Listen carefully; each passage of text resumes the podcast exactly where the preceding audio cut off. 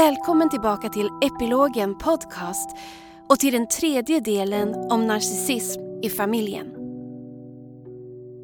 Jag som framför podden heter Mia Makila och är konstnär och överlevare av flera former av psykiskt våld och narcissism. För att få en bra och tydlig bild av vad det innebär att växa upp i en familj där det finns skadlig narcissism, lyssna gärna även på de två föregående delarna. I det här avsnittet kommer jag spela en påhittad karaktär för att illustrera hur det kan gå till när den vuxna syndabocken frigör sig ur den giftiga familjedynamiken där det finns en narcissistisk förälder eller två. När jag skrev manuset till det här avsnittet insåg jag hur komplex denna frigörelseprocess är. Det finns väldigt mycket att utforska och täcka så avsnittet kommer bli lite längre än vanligt. Och även om följande berättelse alltså är helt född ur min egen fantasi så tror jag att den kan belysa många av de psykologiska och emotionella processer som aktiveras då man långsamt vaknar upp och för första gången kan genomskåda den giftiga familjedynamiken och sin påtvingade roll i den. Så kanske kan du som vuxit upp i en familj med en narcissistisk förälder ändå känna igen dig i min fiktiva berättelse fastän omständigheterna ser lite annorlunda ut.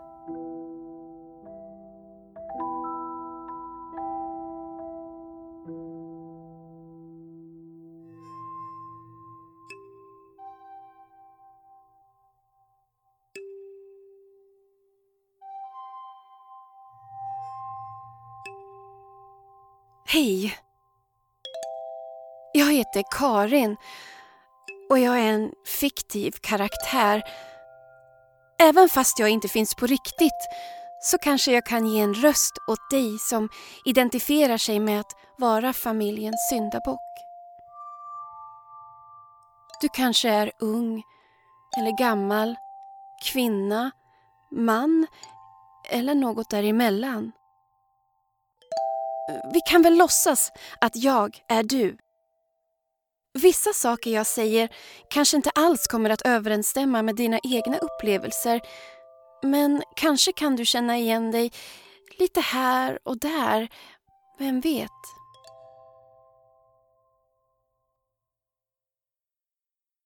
Mm, hur gammal ska vi hitta på att jag är? Låt oss säga att jag är 40. 40 år är jag. För några år sedan förstod jag att hela min familj är marinerad i narcissism och att jag har blivit utsatt för psykisk och emotionell misshandel av alla i familjen. Fruktansvärt smärtsamt uppvaknande men också första steget till att bli självständig och fri. Fri från rollen som syndabock, från att vara allas sophög Fri från att hela tiden tystas, straffas och spottas på.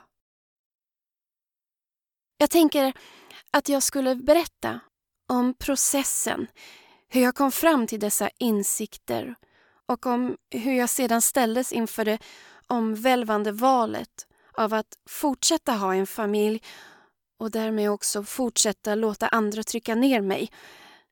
Eller att frigöra mig men bli familjelös. Herregud, hur ska jag börja berätta för dig om allt det här?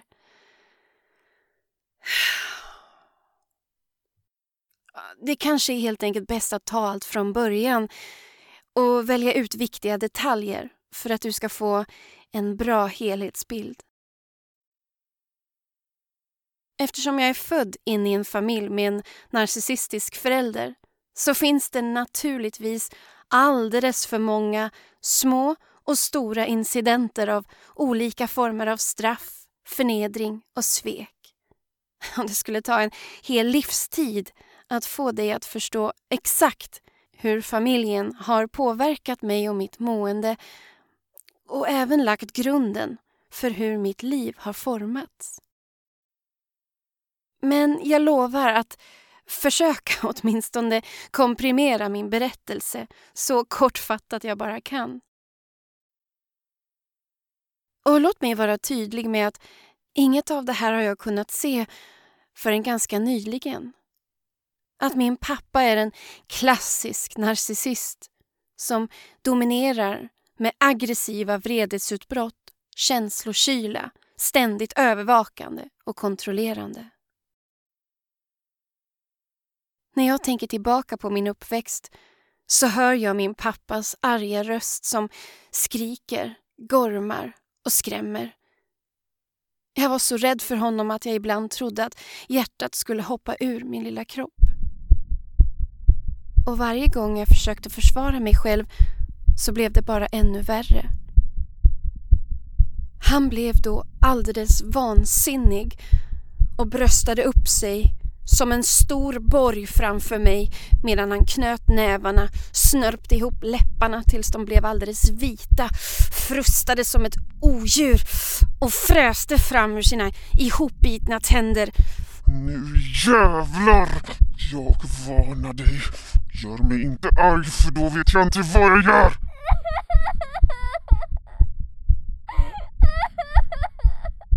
Jag blev alldeles kall inombords. Så rädd, så rädd. Jag var ju bara ett barn. Fem, sex år. Pytteliten.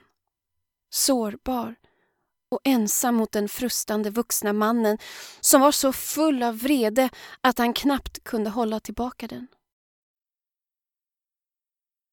Försökte mamma försvara mig fick vi båda ta emot hans vulkansprutande vrede det var en skrämmande kraft som ingen av oss rådde på och som vi var tvungna att hitta sätt att förhålla oss till.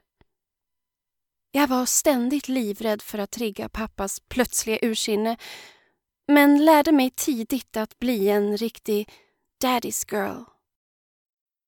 Att vara så följsam som möjligt, duktig, snäll, trevlig jag tröstade honom när han visade ånger efter sina vredesutbrott och jag medlade mellan mina föräldrar när de grälade. Vilket hände ofta. Men samtidigt tappade jag bort mig själv. Eller, jag har alltid varit stark i mig själv och vetat vem jag är. Men min innersta kärna fick inget syre att andas.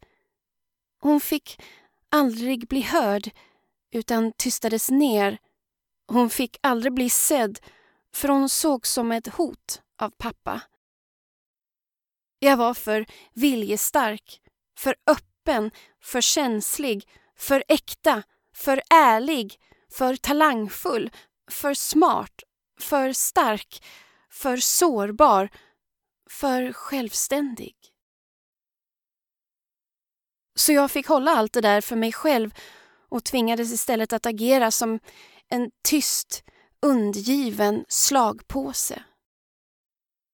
En syndabock som skulle bära hela familjens skam och skuld som egentligen rotade sig i pappas narcissistiska beteende och gränslöshet. Vi var alla en förlängning av pappa. Vi fick inte vara våra egna individer. Allt som vi sa, gjorde eller tänkte och tyckte ansåg pappa vara en reflektion av honom själv. Och om man inte gillade reflektionen så skulle vi straffas genom att läxas upp eller tystas ner. Och mamma. Under hela mitt liv har mamma varit medberoende till pappa. En så kallad enabler, eller tillåtare, som alltid ursäktar honom och hittar sätt att förstå varför han beter sig som han gör. Samtidigt visar hon aldrig förståelse för mig och mina känslor.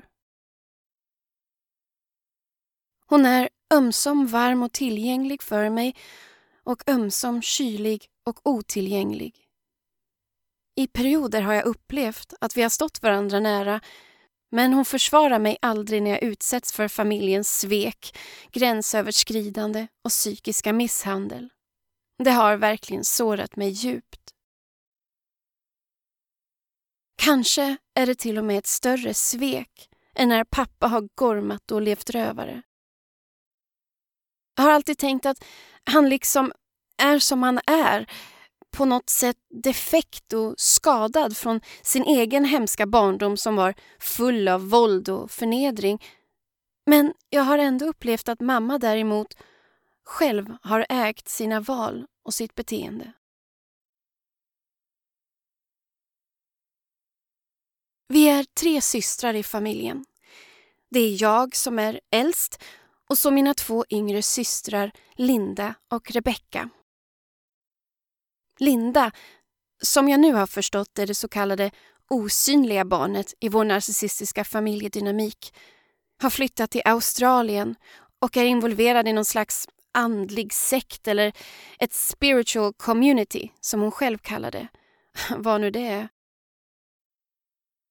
Vi har försökt att kontakta henne men vi får aldrig några svar. Det var flera år sedan vi hörde något från henne. Hon har själv sagt att hon inte vill ha kontakt med oss. Det är sorgligt men jag har accepterat det. Våra föräldrar pratar nästan aldrig om henne. De säger att hon är vuxen och får göra som hon vill men jag kan ana både förbittring och sorg i deras röster som om hon har övergivit dem. Och det kanske hon har gjort också, precis som jag själv till slut gjorde. Jag och Linda hade en väldigt ytlig relation innan hon försvann. Men jag har alltid känt ett ansvar för henne. Eh, på ett känslomässigt plan i alla fall. Hon var så vilsen. Det har gjort ont att se på hur hon irrat runt för att försöka hitta sig själv och sin plats i livet. Hennes identitet var liksom så tunn, så skör som om hon knappast var synlig fast hon var fysiskt närvarande i rummet. Som en ömtålig pappersdocka. Min syster Rebecka, som bara är ett år yngre än mig, är familjens guldbarn och har också blivit en riktig fullblodsnarcissist. Redan som tonåring uppvisade hon sadistiska tendenser. Hon var alltid snabb med att rapportera till våra föräldrar om jag eller Linda gjort något som Rebecka visste att de skulle ogilla om de kände till det.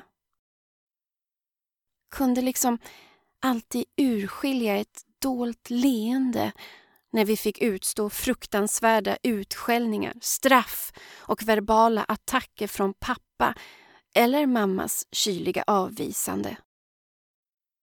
Hon har alltid fått bete sig precis hur hon vill utan att de ingriper. De godkänner hennes uppblåsta själviskhet, uppmuntrar hennes behov av att alltid få utöva makt och kontroll och blundar för hennes sjuka njutning av att såra och skada oss andra. Istället belönar de henne med en samhörighetskänsla och acceptans som aldrig varit tillgängliga för mig eller Linda. Och jag själv då? Vart passar jag in i familjen? Nu vet jag att jag alltid har varit familjens syndabock. Men det var inte länge sedan då jag inte hade rätt ord för det jag upplevde inom familjen. Jag har aldrig fått göra motstånd kring den familjemobbing jag upplevt. Aldrig fått uttrycka mina känslor kring det. Varje försök jag har gjort har tystats ner med antingen aggressivitet, passiv aggressivitet, skuldbeläggande eller utfrysning. Det har alltid varit väldigt spänt mellan mig och Rebecka. Eftersom det bara skiljer ett enda år mellan oss har jag av naturliga skäl varit först med vissa saker och det har alltid gjort henne frustrerad och avundsjuk. Hon tävlar med mig hela tiden. Om allt, känns det som. Jag är inte ens en tävlingsmänniska men blir ändå indragen i hennes hets och förbittring. Det resulterar i att jag ofta känner skuld när jag uppnår något som hon inte har uppnått än eller då jag får något som jag vet att hon inte har eller som hon kanske vill ha. Ja, jag har till och med hållit igen för att inte uppnå sådant som jag vet att hon inte har kapacitet att åstadkomma. Ett slags självsabotage, antar jag. Den här ofrivilliga tävlingshetsen är en obehaglig stress och jag har aldrig lyckats hitta ut ur den fast den inte ens tillhör mig. Det har blivit som en evigt lopande dödsdans. När vi var små fick jag ofta mycket hårdare straff än mina systrar. Linda var så osynlig att hon fick varken belöning eller straff.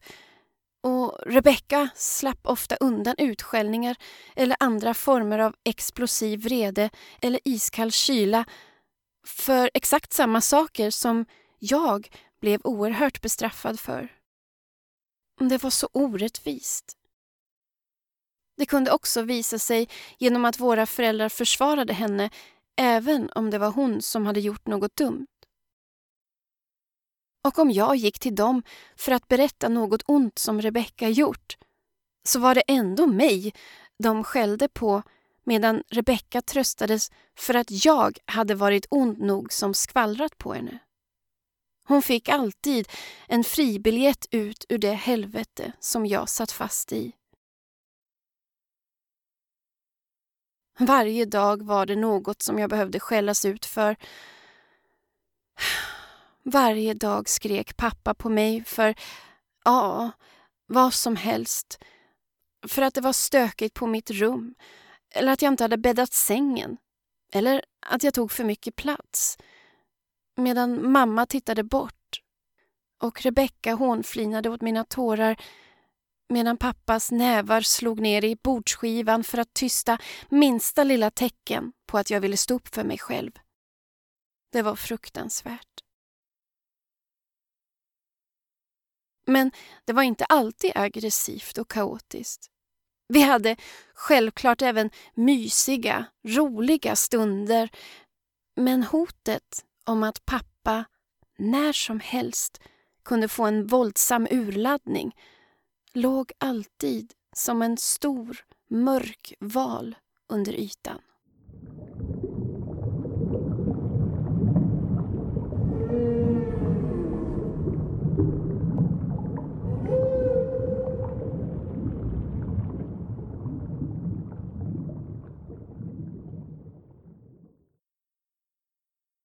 Det finns så mycket att berätta om min barndom så mycket förnedring, orättvisa och ständigt förnekanden av mina upplevelser. Men jag tror inte att mängden skit som jag upplevt skulle förklara hur det har påverkat mitt liv. Istället kan man summera min barndom med att säga att jag känner mig hemma med att bli illa behandlad. Jag blir trygg av att veta var hotet finns är liksom hellre nära hotet än att känna mig osäker på var det finns. För jag vet att det finns. Alltid. I allt. Jag har nog alltid försökt jaga innebörden av pappas luddiga hot. Vad menade han egentligen med det där Gör mig inte arg, för då vet jag inte vad jag gör. Vad är det han hade kunnat göra men som han aldrig gjorde? Och exakt hur olydig skulle jag behöva vara för att få reda på svaret? Att berätta det här för dig känns som en sådan sak. Jag känner mig olydig som berättar, illojal, ond, självisk. Någon som förtjänar att bli utplånad så att hon kan hålla käft sedan. Äh, jag skiter i det där nu. Jag behöver få berätta för dig och jag är äntligen fri att äga min sanning. So here it goes.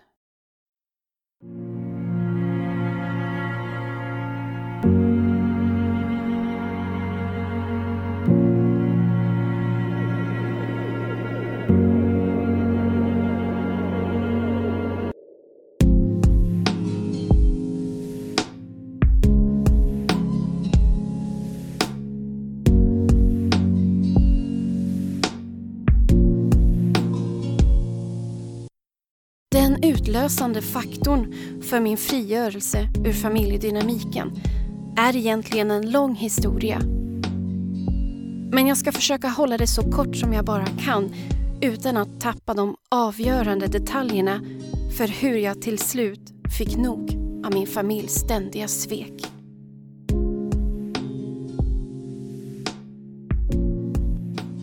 Allt börjar egentligen under mitt andra år på universitetet då jag studerade till undersköterska. Då jag träffade min stora kärlek, Juan, en läkarstudent från Colombia. Vi hade setts lite här och där ett tag men första gången vi pratade var på en fest på vårt campus. Det blev vi direkt och vi var tillsammans i två år innan vi förlovade oss. Jag var den första i familjen som förlovade mig så det blev en stor uppståndelse i både familj och ja, i hela släkten faktiskt. Juan var mycket omtyckt av mina föräldrar. Han skulle ju bli läkare och såg väldigt bra ut. Han var lång och ståtlig, ljusblå ögon och svarta lockar. Under den här perioden kände jag mig accepterad av min familj och allt var rätt harmoniskt. Kanske var det mina mest lyckliga år. Jag hade haft riktigt sunkiga erfarenheter av kärlek innan Juan. Korta relationer, men alltid destruktiva och giftiga och alltid ledde till drama, kriser och kaos.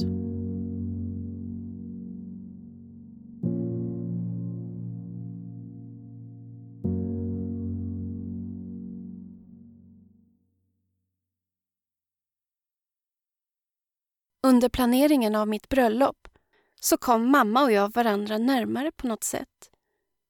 Eftersom mamma är en ganska profilerad inredningsarkitekt så kändes det ganska naturligt att hon skulle hjälpa mig att planera bröllopet.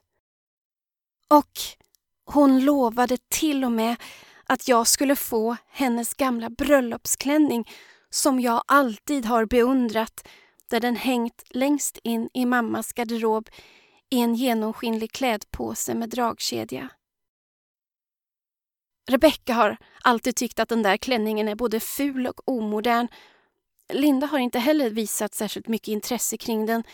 Men jag har alltid haft en dröm om att få gifta mig i mammas bröllopsklänning med hög spetskrage och kjolen räcker precis nedanför knäna. Den är så cool. Men för mig betydde den mer än att bara vara en vacker klänning. Det fanns en historia i den och det var inte en sån där vulgär prinsessbakelse utan stilren och enkel. Enda kravet mamma ställde på klänningens ägarbyte var att jag inte fick göra några ändringar på den. Det var inte svårt att lova eftersom jag tyckte att den var perfekt, precis som den var. Till och med den där lilla fläcken på kjolen skulle jag låta vara kvar eftersom den säkert bar på en lustig historia som gav klänningen en mer personlig touch.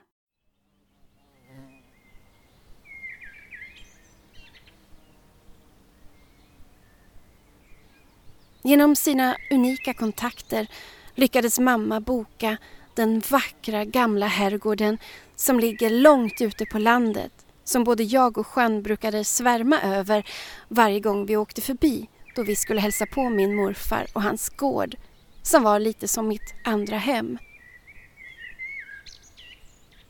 Jag stod min morfar mycket nära och kände mig hemma där ute på landet. Mina systrar blev alltid uttråkade efter bara någon dag när vi bodde ett par veckor ute hos morfar varje sommarlov. Men jag stannade ofta kvar någon vecka hos morfar när våra föräldrar skulle hämta oss.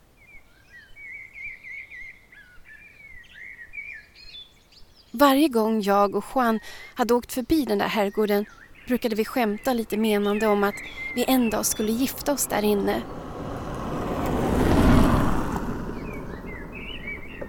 Och nu skulle det äntligen bli verklighet. Allt kändes så overkligt, magiskt, som en dröm.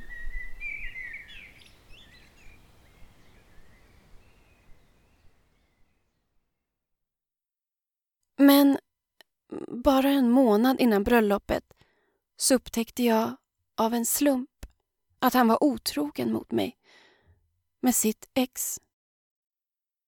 Och när jag konfronterade honom blev han ursinnig och jag såg sidor av honom som jag inte hade sett förut.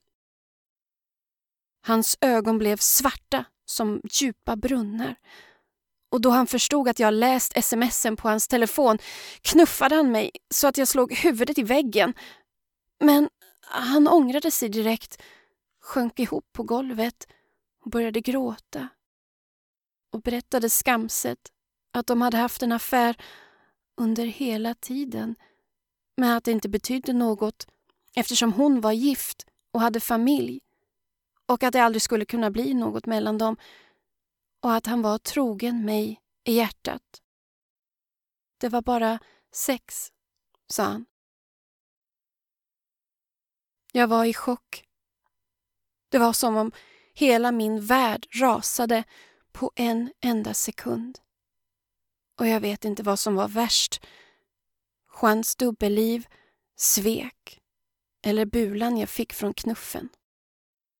Men det spelade ingen roll. Jag gjorde slut. Fast det blev rätt smärtsamt för Jean manipulerade på något sätt mina föräldrar till att ta hans sida även om det var han själv som svikit mig. Mitt i kaoset fick jag själv avboka hela bröllopsbestyret medan jag försökte plocka ihop mig själv mitt liv och framtid. Det var en ruin. Hade jag inte haft mina vänner då vet jag faktiskt inte hur jag hade orkat ta mig igenom allt det där. Familjen stöttade mig bara under den första chocken men efter att Juan hade pratat med dem i omgångar så vände de som sagt och tog istället hans parti de tyckte plötsligt att mina reaktioner var överdrivna. Att jag var för hård som ställde in bröllopet. Att jag istället borde ge honom en chans och därmed genomföra bröllopsplanerna så att vi sedan i lugn och ro kunde reda ut allt tillsammans med en parterapeut. Det heter faktiskt I nöd och lust, påminner de mig. När de förstod att jag inte tänkte ge Jean en andra chans så förändrades allt. Det inställda bröllopet blev liksom ett värre svek för dem än Jeans otrohetsaffär och våldsamma beteende. Kanske för att det blev pinsamt för dem inför släkten, jag vet inte. Jag kunde inte alls tänka klart under den där perioden. Allt jag vet är att de inte stöttade mig som vanligt.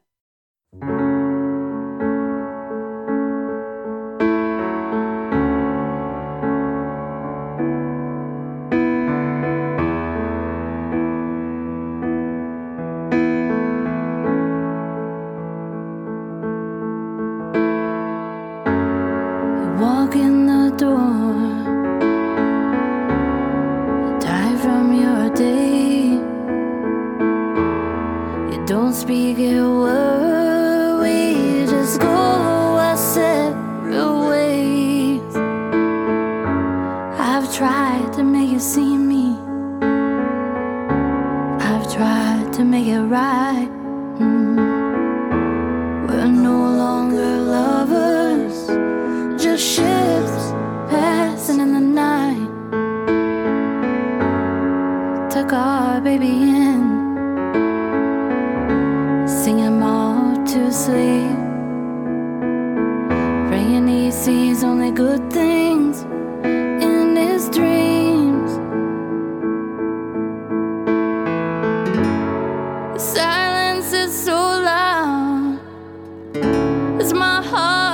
the ground.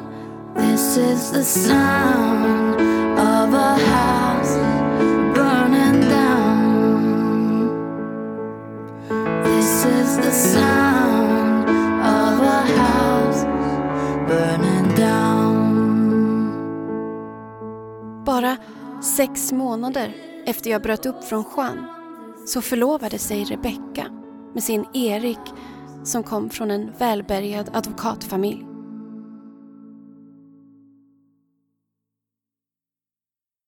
Tyckte det var lite märkligt men ibland blir det väl sådär att man är i samma fas i livet. Det skiljer sig bara ett år mellan oss så jag viftade bort det. Hon har ju i och för sig, som jag sa tidigare, alltid härmat mig när jag uppnått något som hon själv inte haft. Då har hon plötsligt varit där och sett till att hon också fått något liknande, eller till och med samma sak fast ännu bättre, större eller mer spektakulärt. Kan erkänna att det sved att hon förlovade sig så kort efter min egen förlovningskatastrof. Men jag var ändå glad för hennes skull. Men hon tryckte liksom tillbaka den där glädjen rakt ner i halsen på mig. Precis som jag hade gjort anlitade hon mamma till att anordna bröllopet. Och även om planerna hölls hemliga en tid så fick jag snart veta att de använt sig av mina visioner om ett drömbröllop. Det var i princip mitt bröllop.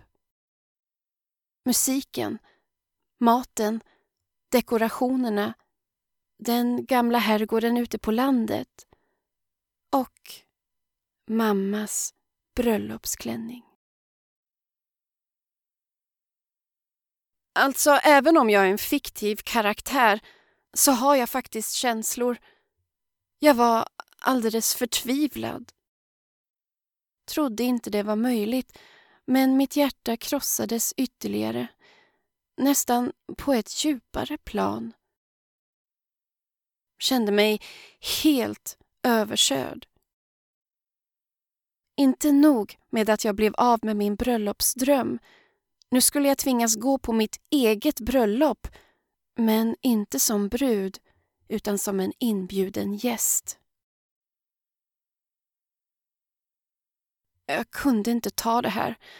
Smärtan, orättvisan och känslan av att bli trampad på sin ömmaste tå var outhärdligt plågsamt.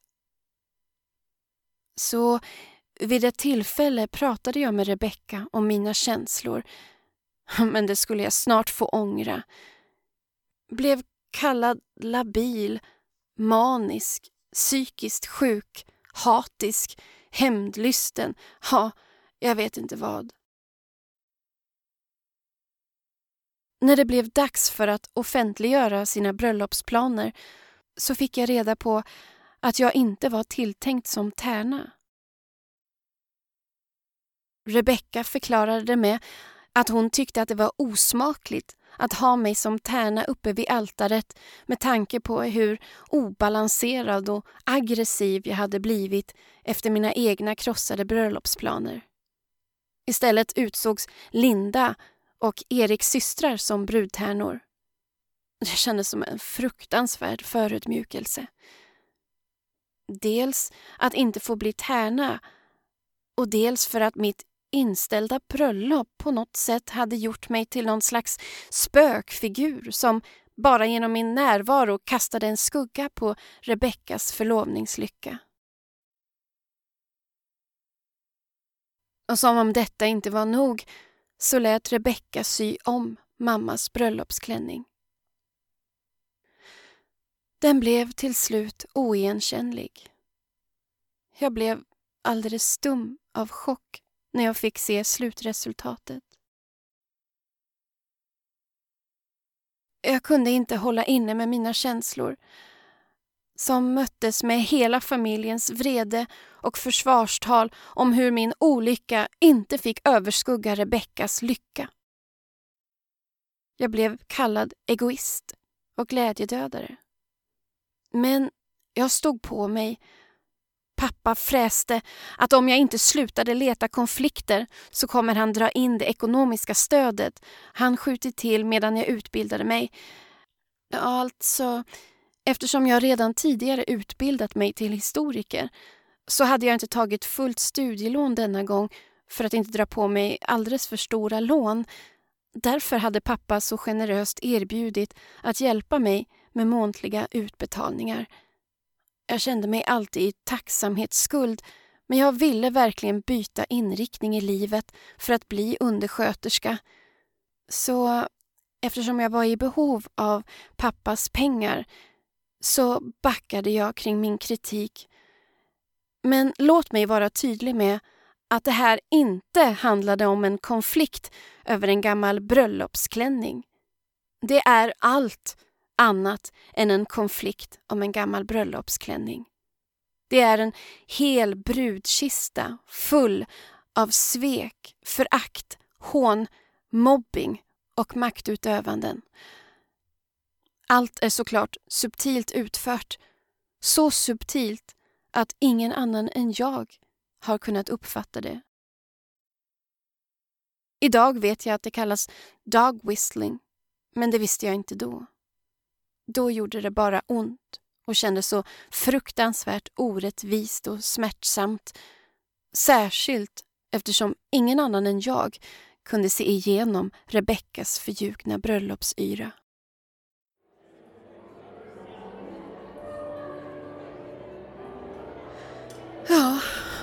Och så kom den där jävla bröllopsdagen.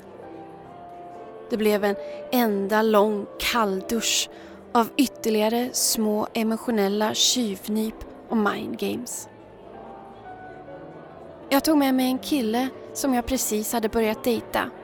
Han hette Milton och hade vackert rödlockigt hår men vi hade egentligen inte mycket gemensamt.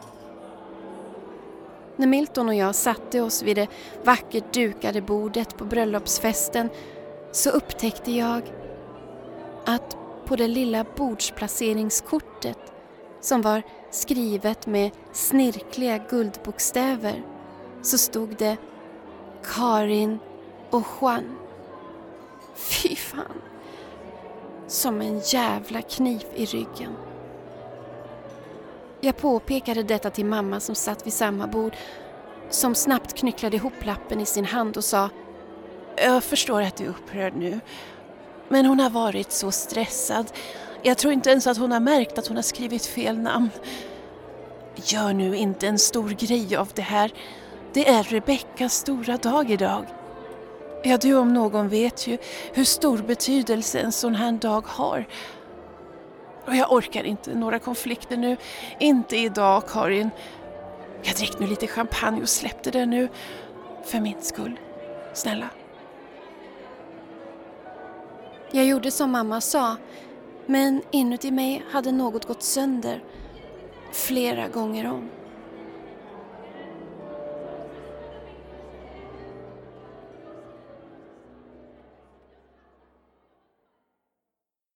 Det var strax efter bröllopet som Linda drog till Australien.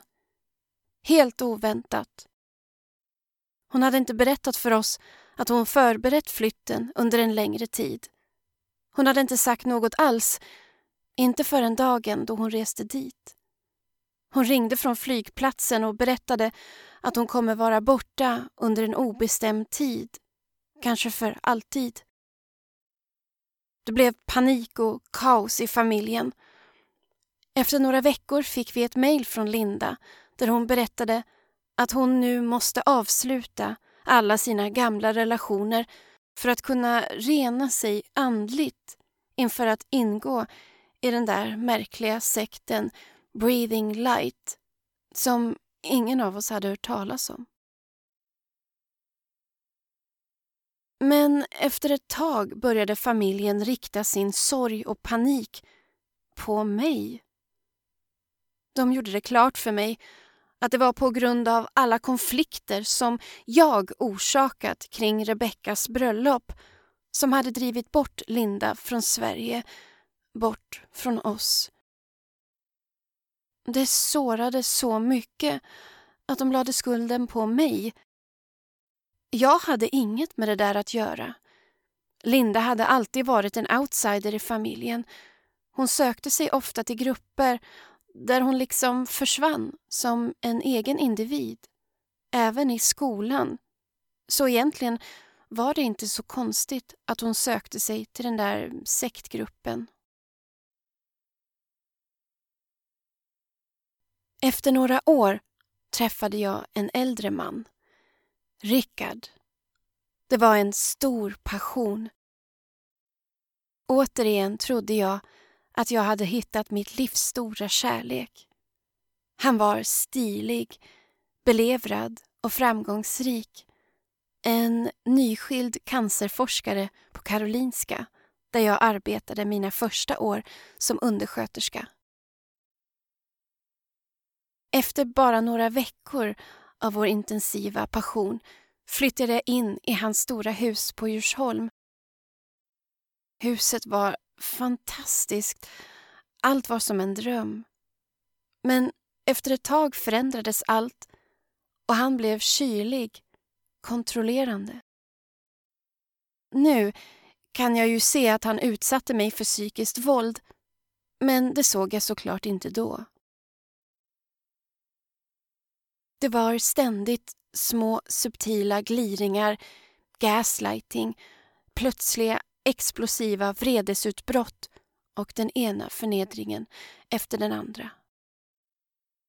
Har tänkt mycket på hur bekant det här beteendet känns för mig. Hur hemma det känns. Och ja, man kan väl säga att jag blev tillsammans med en kopia av pappa. Under våra år tillsammans i huset på Djursholm så blev jag till slut så nedbruten och isolerad att jag tappade bort mig själv. Det var hemskt. Jag gled in i en depression, slutade vara mig själv, tappade mina vänner, mina intressen. Mina föräldrar uttryckte tidigt i vår relation att Rickard inte var bra för mig, men de lade sig aldrig i. Jag mådde verkligen så dåligt under den här perioden och blev mer och mer söndermanglad av Rickards järngrepp om mitt psyke. Depressionen suddade till slut ut allt som fanns kvar av mig. Till slut lämnade han mig för en yngre kvinna som han tydligen hade träffat och blivit förtrollad av inne på Coop då han köpte vår helgmat. När jag berättade för mamma så suckade hon och sa Ja, vad var det jag sa? Både pappa och jag varnade dig för honom, men du lyssnar aldrig på oss, Karin. Pappa tyckte att jag själv stött bort Rickard genom att vara så deprimerad och negativ. Alltihop var så smärtsamt. En mardröm med flera lager skit. Men en katastrof kommer sällan ensam. Mitt i allt kaos med Rickard så dog min älskade morfar.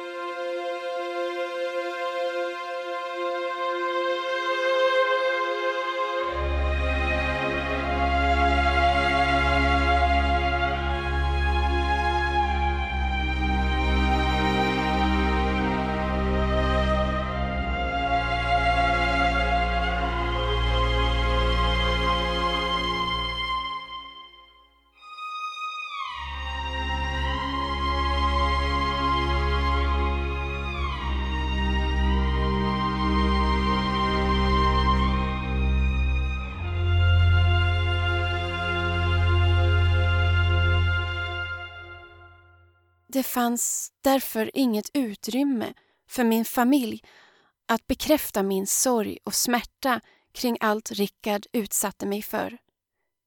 Försökte jag prata om det jag överlevt så blev jag omedelbart tystad med att höra att jag stör dem i deras sorg.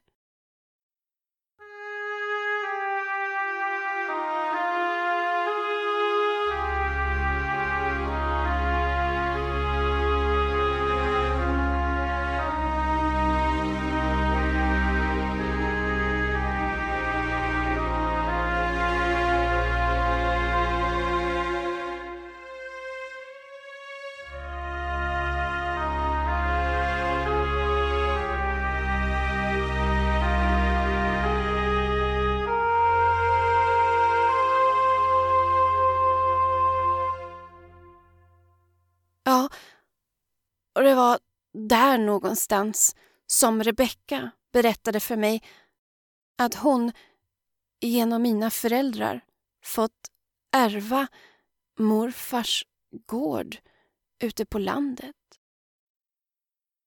Morfars gård. Men alla vet ju att det var min gård, mitt andra hem. Ingen i familjen har någonsin visat intresse för gården, allra minst Rebecka. Hon är en riktig storstadstjej och stod det inte morfar lika nära som jag gjorde. Nej, nu klarade jag inte mer. Jag orkade inte mer nu. That's it. Jag fick nog. Även fast jag var både utmattad av min dubbelsorg och så jäkla nedbruten så rev jag upp himmel och jord. Morfars gård var min. Rebecka och Erik tog snabbt hjälp av en jurist. Deras narrativ var att i egenskap av småbarnsföräldrar ville de ge barnen en trygg uppväxt ute på landet. De skulle renovera gården och bygga ut. Deras vision var både vattentät och äckligt sockersöt.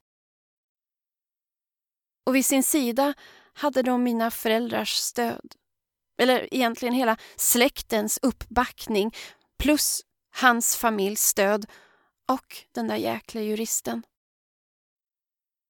Jag var helt ensam i mina försök att nå fram med hur mycket gården betyder för mig. Likt Don Quijote försökte jag kriga mot en armé av väderkvarnar. Hur mycket jag än försökte nå fram så lyckades jag bara dra på mig ännu mer smärta, psykisk nedbrytning och blev allt mer tröttare och tröttare. Så jag blev till slut sjukskriven. Depressionens avgrund drog mig allt djupare ner. Jag plågades ständigt av ångest, mardrömmar och panikattacker. Jag gjorde försök att nå fram till min familj kring hur deras beteende fick mig att känna. Men de fick det alltid till att jag har blivit psykiskt sjuk. Det kändes också som jag var det. Rebecka hotade med besöksförbud om jag kom nära gården eller någon i hennes familj. Eftersom Erik själv är advokat så var jag säker på att det fanns allvar bakom hotet. Jag ansågs tydligen vara farlig, hatisk och aggressiv. Försökte jag försvara mig så användes mina reaktioner som ytterligare bevis på att jag skulle vara psykiskt sjuk. Nu vet jag att det där kallas reactive abuse. Men då hade jag inget ord för att klä känslan av att befinna sig i en Hitchcock-film där man anklagas för ett brott man inte har begått men inte kan hitta ett påtagligt bevis som bevisar ens oskuld. Det slutade med att jag och Rebecka bröt all kontakt med varandra och det var en ömsesidig känsla av att inte ha något mer att säga varandra. Det jag inte hade räknat med var hur detta bara var början på ett nytt slags helvete. Ett kyligt helvete av en långsam utfrysning ur hela familjen. Men där är vi ännu inte i historien. Först måste jag beskriva hur jag började vakna upp för att se hur galet sjukt allt det här var och hur galet det alltid har varit. Eftersom jag hade blivit så isolerad i huset med Rickard så hade jag inte ens några vänner kvar. Men jag visste att jag behövde hitta hjälp och stöttning. Så jag vände mig till vården som gjorde en ordentlig utredning och jag diagnostiserades med komplex PTSD. Och så hamnade jag hos Marja, en fantastisk terapeut. Och mina sessioner hos Marja blev vändpunkten, bokstavligt punkten, då hela mitt liv vändes upp och ner. Min historia var verkligen en mustig soppa av både gammal och ny skit för terapeuten att rota runt i. Familjedynamiken, barndomsminnena av pappas ständiga vansinnesutbrott och mammas blindhet, dövhet, dumhet. Chans svek. Traumat med det inställda bröllopet som Rebecka sedan stal skuldbeläggandet kring Lindas flytt till Australien, Rickards psykiska terror, otroheten, Rebeckas ständigt pockande sadism, snuvandet på morfars gård. Och den nya etiketten att vara en farlig galning. För att kunna ge dig en sådan ärlig och rå inblick som möjligt i processen av mitt uppvaknande från rollen som familjens syndabock, sophög och slagpåse kommer resterande del av det här avsnittet att bestå av små fragment ur mina dagboksanteckningar från tiden efter jag och Rebecka bröt all kontakt med varandra. För detta uppvaknande har inte varit en sammanhållen process utan splittrad i små, små insikter, psykologiska käftsmällar och lager på lager av förträngd ilska, rädsla och sorg.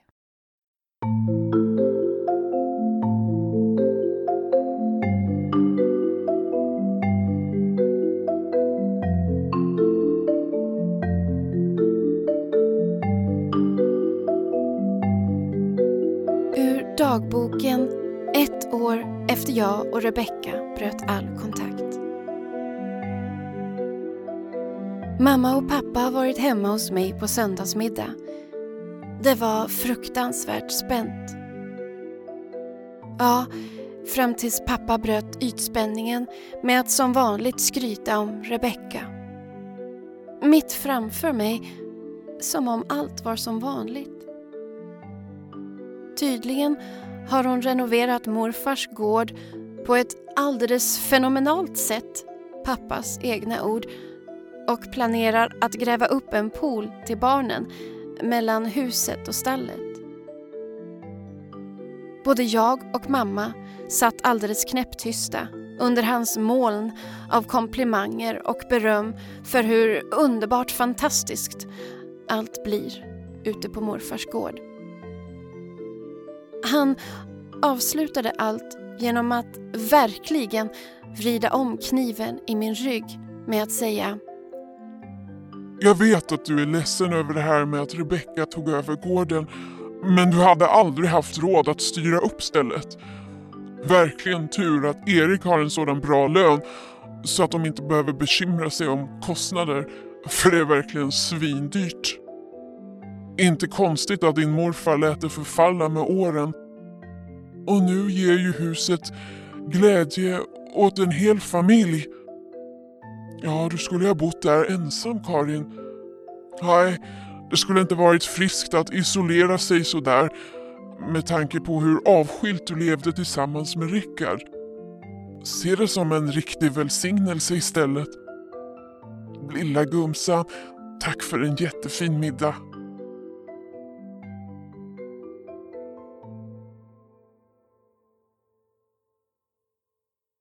Jag är stolt över att jag lyckades förbli tyst och låtsades inte höra och pillade på mobilen istället.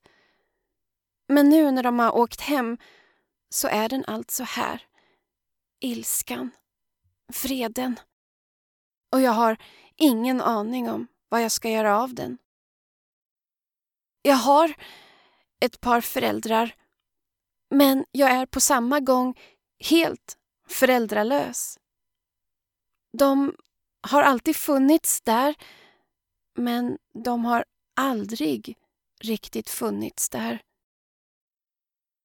Det är en märkvärdig blandning av både trygghet och sorg. Som en trasig brandbil. Något som utstrålar trygghet men som inte kan släcka mina bränder. Jag brinner sönder. Och ur askan reser sig ilskan, naken och svart. Utan mål och destination svävar den iväg med mig i sina klor. Högt över allt jag känner till. Bort mot det okända området av friheten av att inte längre finna mig i deras förakt.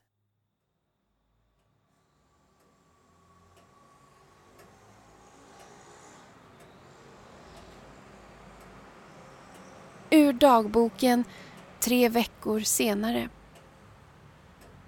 Idag är det terapitorsdag. Idag pratade vi om hur mamma och pappa alltid tar Rebeckas parti.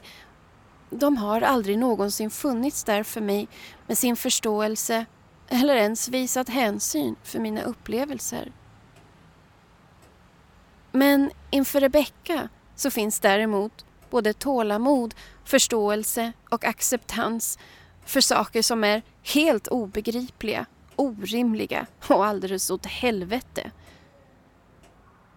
Och jag har bara svalt allt. Rebeckas hån, förakt och allt hon har stulit från mig och våra föräldrars löjliga lallande kring henne och totala oempati inför mina känslor. Varför blir jag inte arg istället? Det sista min psykolog sa till mig innan vår session var över var Du har aldrig tillåtit dig själv att vara riktigt arg. Eller hur? Ibland när vi blir illa behandlade och känner stor vrede och ilska och blir så där arga att vi känner att vi nästan tappar vår besinning. Då måste vi kväva ilskan för att kunna leva normalt. Och då förklär vi ilskan med snällhet. När du blir attackerad av vad du upplever som orättvisa är det som om du kväver varje motstånd. Varje nej tystas ner och du utplånar dig själv. Blir passiv och tillintetgör din egen vilja och din integritet. Ditt motstånd dina reaktioner och ilska och uppvaknandet av självrespekt kommer ofta en kort tid efteråt när du fått lite tid att tänka. Varför är det så? Jag tänkte på Marias ord på vägen hem. Ja, varför är det så svårt att säga ifrån nu som vuxen? Varför är det så svårt att göra motstånd säga nej, gå därifrån, bli arg, stå upp för mig själv. Kanske är jag rädd att bli utplånad. Så jag utplånar mig själv, så är det redan gjort. Kanske är jag rädd att bli övergiven om jag säger ifrån.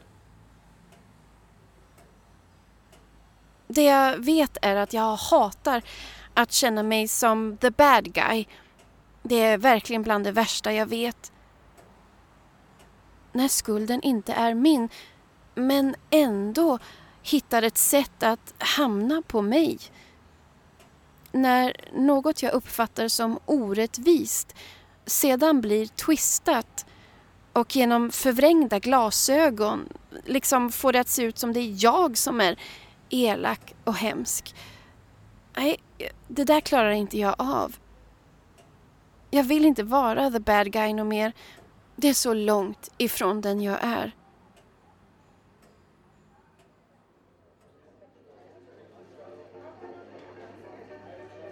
Ur dagboken fyra veckor senare. Förra veckan bestämde jag träff med mamma på Landers konditori för att få lite svar på tankar som malt i mitt huvud den sista tiden. Jag och psykologen har kommit fram till att etiketten på samtliga mina trauman är svek. Och jag känner att jag fortfarande blir sviken av mina föräldrar i både stort och smått. Jag har verkligen funderat på hur jag ska kunna gå vidare utan att få svar på varför, varför, varför, varför de alltid sviker mig när jag behöver dem som mest. Och jag kommer ingenstans. Mina känslor går bara runt, runt i en omloppsbana som kretsar kring ett frågetecken som skimrar i neonljus och bländar varje tanke. Men mötet gick inte alls som jag hade tänkt. Istället för att få svar på mina grubblerier så blev jag istället ännu mer nedmanglad av skuldkänslor och förvirrad. Mamma lade sin varma hand på min och sa att hon har pratat med Rebecka och att Rebecka nu önskar en försoning med mig men vet inte hur hon ska kontakta mig. Jag kände direkt hur oärlig denna försoningsönskan är. Att det är endast ett drag i ett slags känsloschackspel för att få mammas och pappas lojalitet. När jag sa detta till mamma drog hon snabbt undan handen från min och sa att jag själv måste kontakta Rebecka. Ja, eftersom Rebecka tydligen inte vågar. Och mamma sa också att hon inte längre accepterar att hon och pappa alltid kommer emellan. Ja, och sen sa hon... Ja, pappa och jag har inte skaffat barn bara för att bli utnyttjade som några medlare. Rebecka har hittat ett bra sätt att gå vidare och hon är villig att ta emot dig om du vill be om ursäkt. Du måste släppa det här nu. Du fokuserar alltid på det negativa och så ältar och ältar du gamla oförrätter. Det är inte friskt Karin. Jag är uppriktigt orolig för dig. Och jag orkar inte lyssna på hur du alltid ska klaga på hur elaka vi är i familjen och att du på något sätt alltid lider på grund av oss. Mitt hjärta klarar inte mer nu. Först flyttar Linda till andra sidan jorden och sedan bråkar ni så att pappa och jag ständigt kommer i kläm. Hela familjen är splittrad och ingen ser hur jag lider.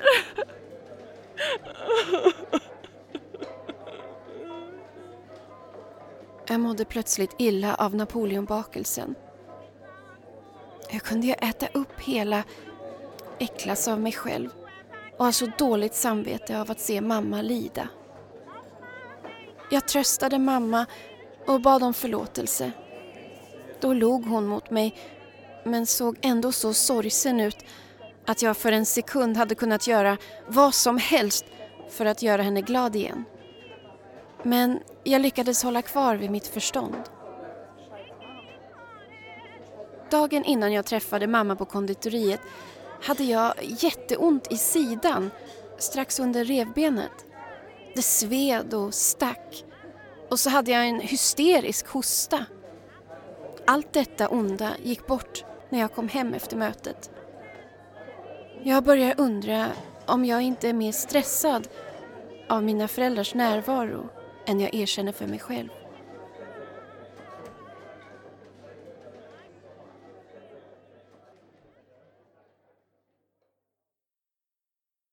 Ur dagboken ett år senare, juli. Har fått ett hatiskt mejl från Rebecka. Det är första kontakten sedan vi bröt med varandra.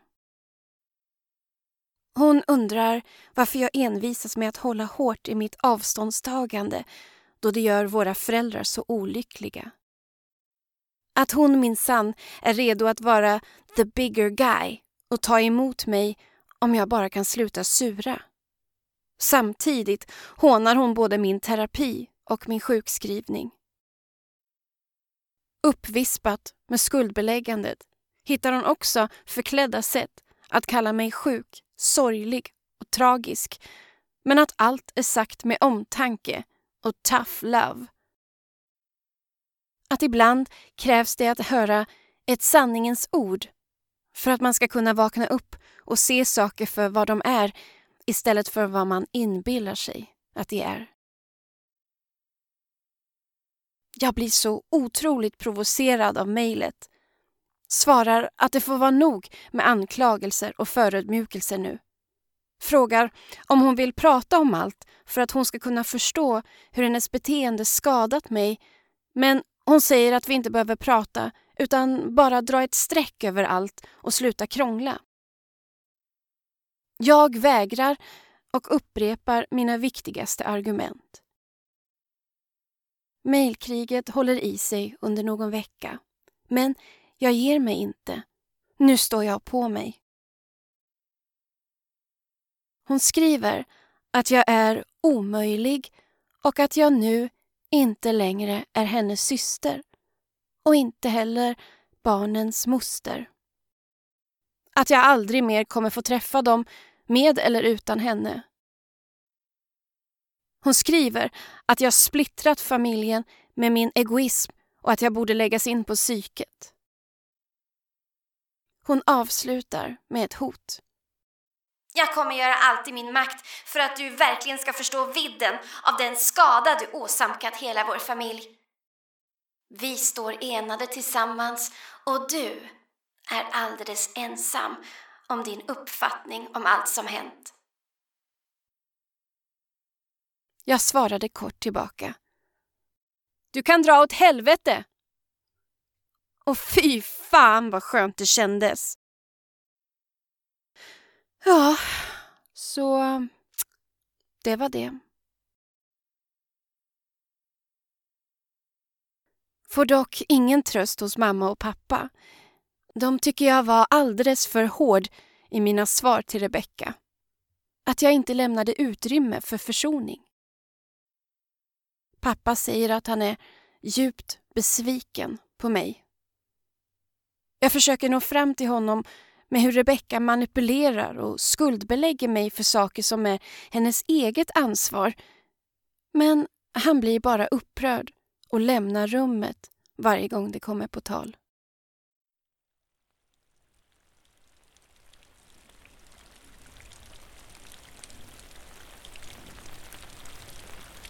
Ur dagboken September samma år. Idag promenerade jag hem från jobbet i regnet utan paraply. Jag var så inne i mina tankar att jag inte ens märkte av att jag blev dyngsur. Jag gick och tänkte på hur jag lever i en dubbelverklighet där mina känslor och tankar säger en sak och mitt beteende ett annat. Hur länge kommer jag orka leva i denna dubbelverklighet?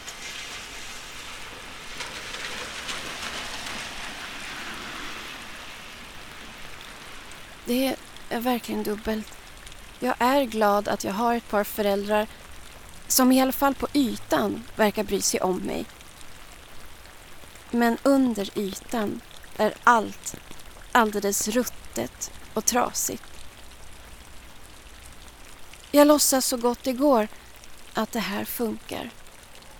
För jag vet att om det där ruttna kommer upp till ytan så kommer jag bli alldeles ensam, familjelös på riktigt och utan något som helst skyddsnät. Vem orkar leva så? Orkar verkligen jag? Även om det går rätt bra att umgås med mina föräldrar så är både jag och dem som tickande bomber redo att brisera vid alla fel tillfällen. Det är laddat och konstigt. Jag önskar att jag kunde rensa luften, ta död på de elektriska laddningarna så fort jag talar om min terapi, PTSD-diagnos och sådant som jag vet att de tycker är hotfullt. Det vill säga allt som är äkta och ärligt. Hur länge överlever man i en dubbelverklighet utan att en av verkligheterna förgör den andra?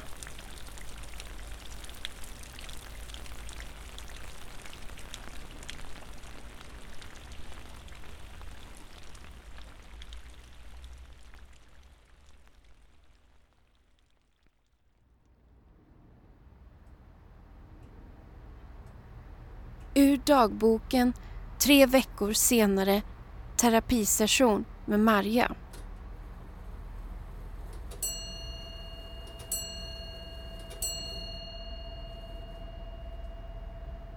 Häromdagen såg jag en rubrik när jag läste kvällstidningen och jag vet inte riktigt vad det var men det väckte något starkt i mig.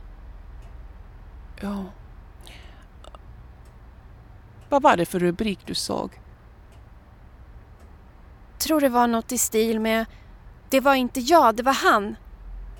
Det var om den där lilla nioåriga flickan som blev kidnappad av en ung man i Göteborg, om du läste det. Jo, ja, jag läste. När man hittade flickan var hon gömd under en herrjacka där hon gick tillsammans med sin kidnappare inte långt ifrån där hon försvann 20 timmar tidigare. När hennes pappa fick hem henne igen så blev han så glad och lättad att han beställde hem pizza och så satt de och kramade om varandra och bara var tillsammans i en enda stor kärleksbubbla. Varför har jag aldrig fått det där? Varje gång jag upplevt trauman så skapar de bara nya trauman genom att skuldbelägga eller att ignorera det som har hänt mig när jag egentligen behöver deras kärlek som mest. När jag frågar varför de alltid gör så, så får jag inga svar. De har gått vidare och blir arga på mig när jag drar upp saker. De tycker att jag ältar och vältrar mig i det förgångna. Men det gör jag bara för att jag försöker förstå ännu en gång utan deras hjälp, stöd eller trygghet. Du sa att den där rubriken, det var han, inte jag, att det väckte något starkt i dig. Vilken känsla väckte det?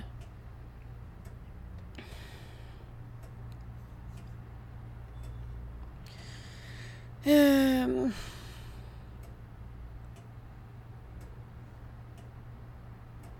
En känsla av att ha skuld till allt ont som andra orsakar. En, en stor skuld att vara en del av något destruktivt som liksom är utom ens kontroll. Och en skuld i att alltid göra andra oroliga. Ibland känner jag mig skyldig till allt möjligt. Att det till exempel är mitt fel att folk har varit onda mot mig. Och när de sedan vill dra ett streck över allt utan att först ha pratat igenom allt eh, eller ens bett om ursäkt så kan jag inte det utan vill arbeta mig igenom allt och då är det mitt fel att jag fortsätter krångla, säger de. Och att det är mitt fel att jag har bra minne och kommer ihåg smärtsamma detaljer som alla andra tydligen har glömt. Jag känner också skuld över att jag inte tog mig ur misshandelsförhållandet med Rickard tidigare. Jag får ständigt höra det av andra. Varför lämnar du inte honom? Jag känner skuld att jag har varit kärnpunkten för människors hat. Något fel måste det vara på mig eftersom jag lockar fram hat hos andra människor. Känner också skuld för att jag är så in i helvete arg ibland. För jag är ju inte ens en arg människa. Och så känner jag skuld för att jag känner skuld. Oh, den förbannade skulden har liksom inga gränser. Tror du att de som skadat dig känner skuld för den skada de har orsakat dig? Nej, absolut inte. De verkar inte ens förstå att de borde känna skuld. Hur får det dig att känna? Förbannad. Bra. Att bli förbannad är att avsäga sig skulden. Att bli förbannad är inte samma sak som att bli aggressiv. Att bli arg är en konstruktiv känsla. Det vill säga om den är grundad i en vilja att skydda våra gränser när de blivit invaderade. Istället för att vara grundad i en destruktiv kraft och vilja att kontrollera eller dominera andra. Gud vad sjukt. Så har jag aldrig sett det förut. Har alltid trott att om jag är arg så betyder det att jag är en hemsk och aggressiv människa. Alltså, som om jag är pappa på något sätt. Att jag ärvt den där svarta energin från honom. Men du har rätt. Hur ska jag kunna hålla min gränsdragning intakt utan att bli arg om den inte respekteras? Och eh, jag har också tänkt mycket på eh, hur går man vidare när man inte får några svar på varför? Om man verkligen behöver förstå varför saker händer och hur det kunnat hända. Jag vill inte fastna i ett evigt ältande om varför, varför, varför. Jag vill inte bli bitter och oförlåtande.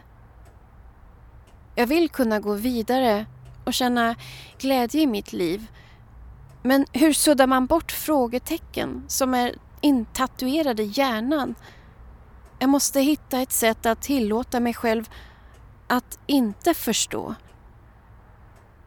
Jag kan faktiskt inte förstå varför de sviker mig varje gång jag behöver dem som mest.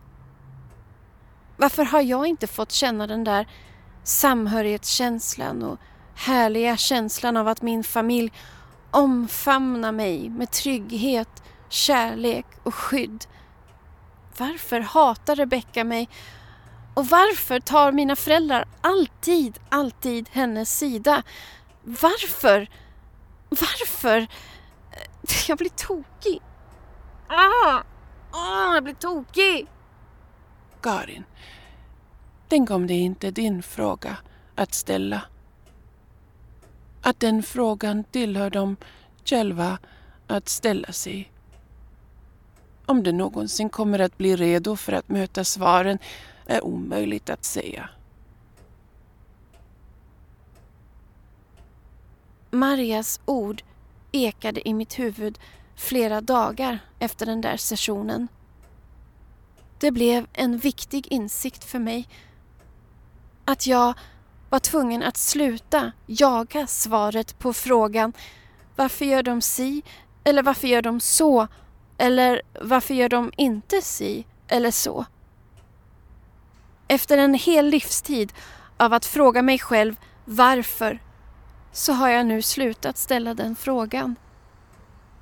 Det är som ett mirakel. Jag har förstått att det inte är min fråga att ställa. Frågan tillhör inte mig. Det är inte jag som ska svara på varför. Det är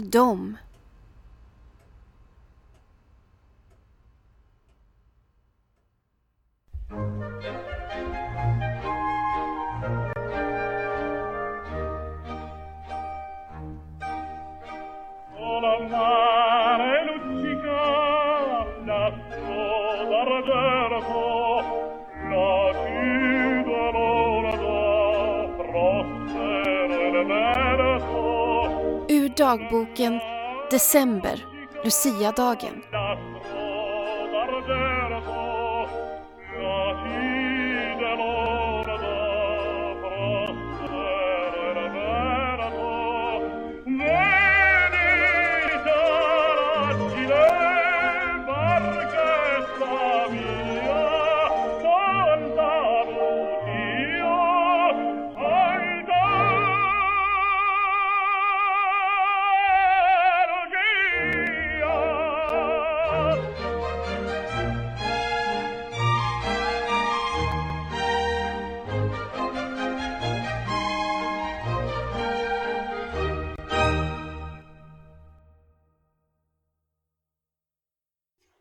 har vi pratat mycket om hur du känner skuld för så mycket.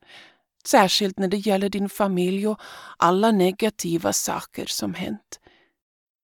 Jag tänker mycket på myten om syndabocken, en symbol för utplånande av människors synder. Ursprunget till ordet syndabock kommer från Bibeln.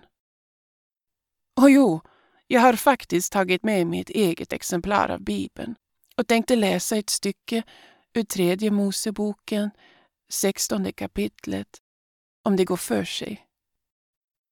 Ja, ja, absolut, självklart. Vad spännande. Mm.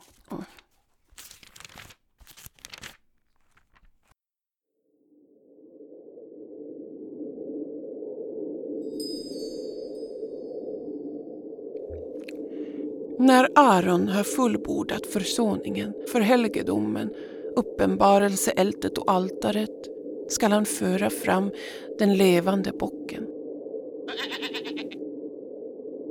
Han ska lägga bägge händer på den levande bockens huvud och över den bekänna israeliternas alla skulder, brott och alla deras synder och därmed lägga dem på bockens huvud.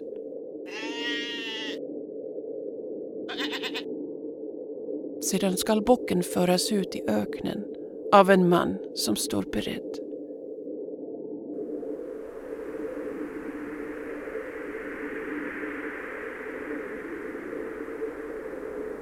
Bocken skall bära alla deras synder med sig ut i ödemarken och släppas lös där ute i öknen.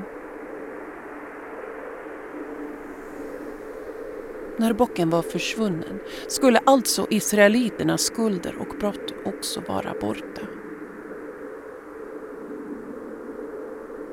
På samma sätt lägger din familj sin skuld på dig som en syndabock för att du sedan ska bära den åt dem. För Rebecka hade ju till och med försvunnit ut i öknen med skulden. Det är tacksamt hon vill ha dig på avstånd för att kunna hålla sin egen skuld och skam på avstånd.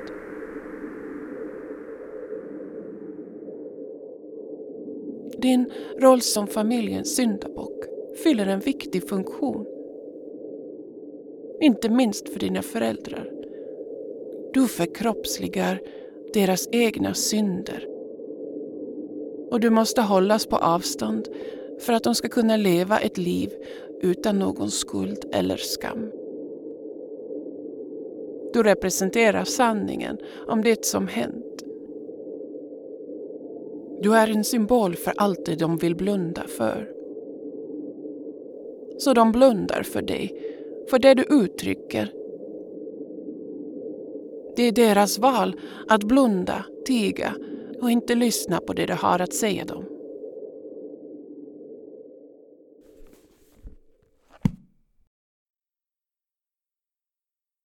Ouch! Det där gjorde ont. Fy fan. Funktion.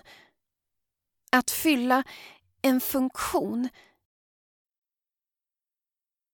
Plötsligt kan jag se hur jag alltid spelat roller inom mina relationer. Jag har spelat den lydiga dottern, den uppoffrande stora systern, flickvännen som blundat för alla tecken på sina pojkvänners svek och förödmjukelser. Jag har inte ens varit mig själv när vi haft sex. Alltid spelat en roll, alltid behagat och varit så jävla flexibel och följsam. Jag har varit en gäst i mitt eget liv. En skådespelare i mina relationer. De enda jag verkligen kan vara mig själv inför är mina patienter. Eller så spelar jag där med att jag har någonting att ge dem men som jag inte ens kan ge mig själv.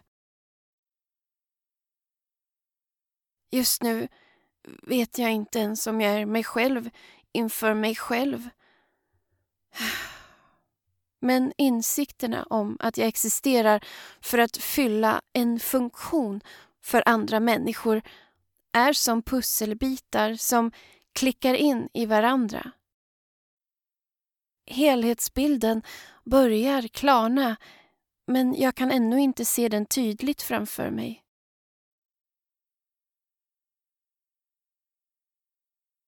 Ur dagboken tre månader senare. Arbetet i terapin går framåt men jag är sliten och trött. Marja och jag har börjat prata om narcissism. Hon säger att pappa visar tydliga tecken på att ha NPD, narcissistisk personlighetssyndrom. Kanske även Rebecka. Vi pratar om medberoende, om psykiskt våld och dysfunktionella anknytningsmönster.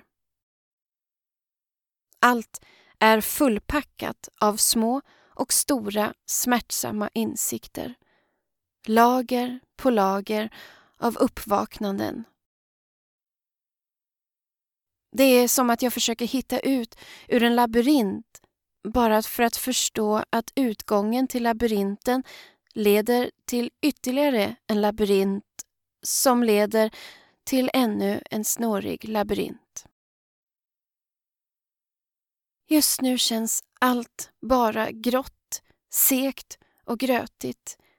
Kroppen känns tung och frusen och jag är orkeslös, trött. Alla insikter jag fått på sista tiden gör att jag kan se allt ur ett helt nytt perspektiv. De försoningar jag har drömt om, bilden att ha en hel familj med systrar, syskonbarn, föräldrar som bryr sig på riktigt känns bara ännu mer avlägsna.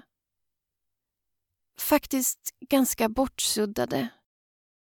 Och kvar finns bara en smärtsam verklighet att leva i en verklighet som innehåller faktum att de som orsakat mina trauman aldrig kommer att förstå vad de har utsatt mig för. Och de kommer aldrig ångra sig eller visa ånger i känsloutbrott av gråt, förtvivlan och skam. Det där är bara mina fantasier. Det jag går och väntar på finns inte. Det enda som finns och är verkligt är deras nonchalans, kyla och skeva verklighet där de aldrig gjort mig illa, aldrig skapat något trauma, aldrig varit skyldiga till något. I deras världsbild är jag inget offer, bara en patetisk stackare som borde gå vidare någon gång. Oh, jag står inte ut med deras skeva verklighet. Jag hatar den jag vill spränga den i bitar. Det är något med det här med verkligheten som är brännpunkten. Jag sa till Marja förra veckan att familjens gemensamma bild av vad som är verkligt och riktigt är som en verklighetstsunami som drar in och krossar min egen verklighetsuppfattning.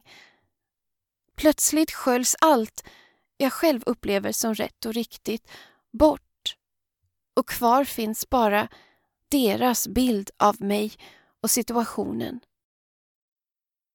Jag ser mig själv och allting ur deras blick Där jag är the bad guy och de är offren för min själviskhet.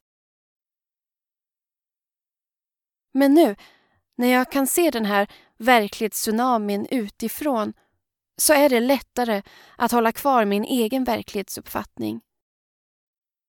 Och ju mer jag genomskådar deras skeva verklighet, ju starkare blir jag i mig själv. För att göra det klart för mina föräldrar att jag inte längre prenumererar på deras verklighetsuppfattning försöker jag hitta sätt att tydligt kommunicera mina gränser. Det är första gången i hela mitt liv som jag drar hälsosamma gränser runt mig. Men mina försök att nå fram med mina gränser möts med förakt och anklagelser om att jag är kontrollerande. Ur dagboken sex månader senare. Igår bjöd jag hem mamma på en fika. Vet egentligen inte varför. Vår relation är trasig på något sätt. Går på tomgång. Vi delar inte längre samma verklighet och det skapar väldiga spänningar. Men spänningarna är annorlunda nu. De briserar mycket lättare. Jag pushar också på, är mindre försiktig, tassar liksom inte lika mycket på tå nu som jag gjorde förr.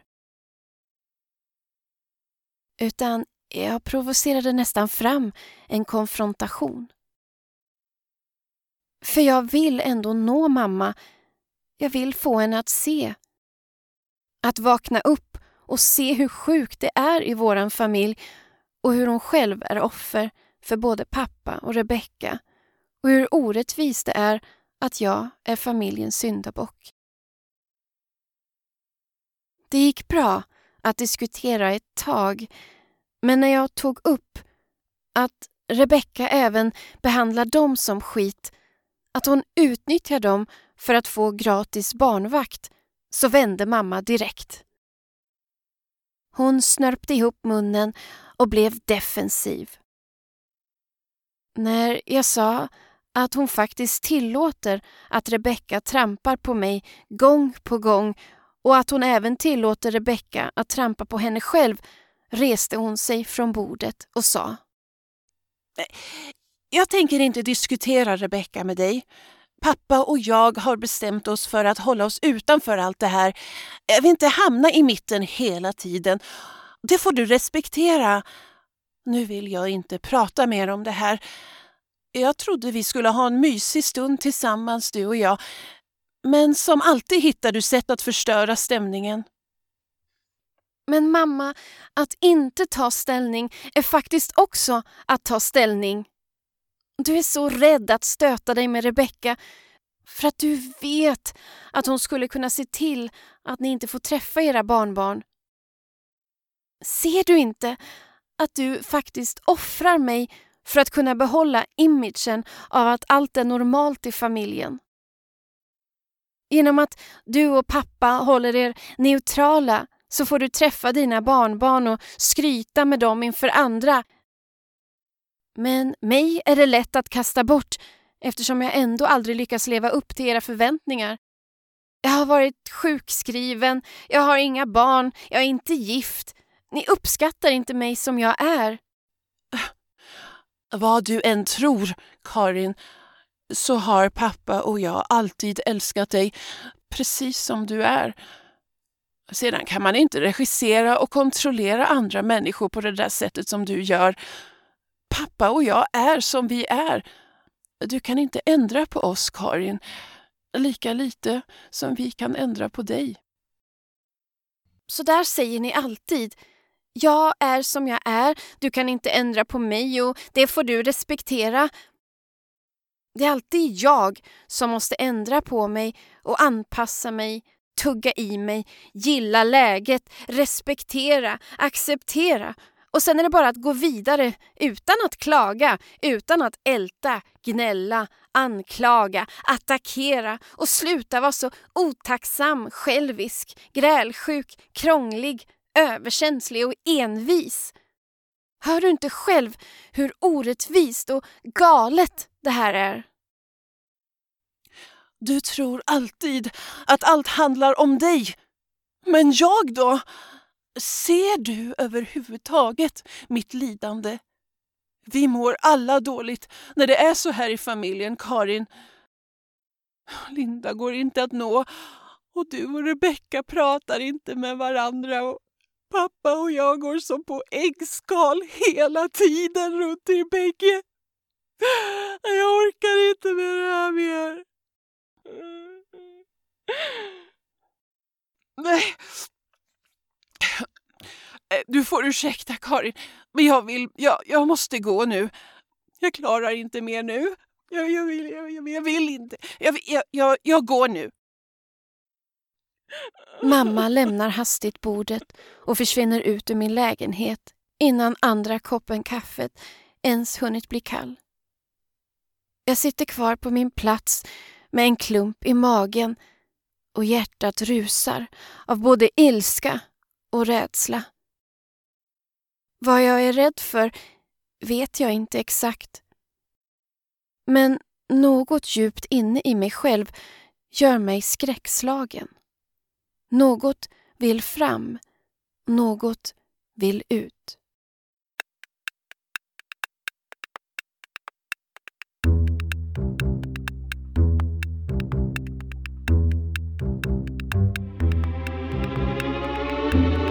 Det är här någonstans jag verkligen börjar vakna upp ur min roll som familjens syndabock och kan se vilket lidande det har inneburit för mig. Uppvaknandet har så många faser. Först inser man att det man har trott varit normalt egentligen har varit onormalt, sjukt och fel. Sedan vaknar man upp och inser saker för vad det är och lär sig de rätta orden, de rätta etiketterna på allt. Gaslighting, narcissism, psykiskt våld, traumabindning. Ja, trauma. Därefter inser man hur allt detta har påverkat en och vilka konsekvenser det har haft för ens mående och hälsa. Ja, för alla relationer man har.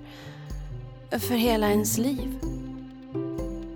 Sedan vaknar man upp ännu lite mer och inser att man faktiskt har makt att frigöra sig från allt det här. Att det finns ett liv bortom allt det som andra tvingat på en att leva i. Jag är högst medveten om att jag tvingas möta en stor sorg och en okänd verklighet av att leva utanför familjen. Det känns otäckt.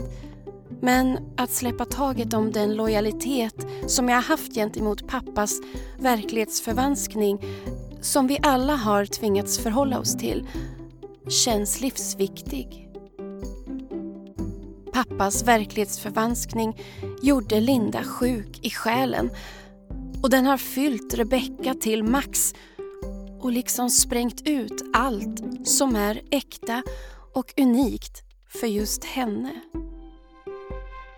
Och jag själv har fått betala ett väldigt högt pris för att hålla kvar min egen verklighetsuppfattning.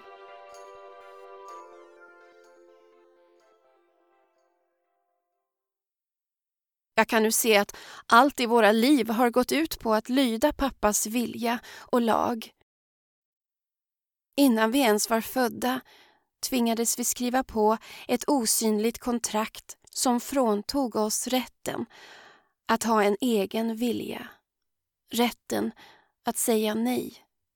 Rätten att vara lojala mot oss själva och vår egen verklighetsuppfattning.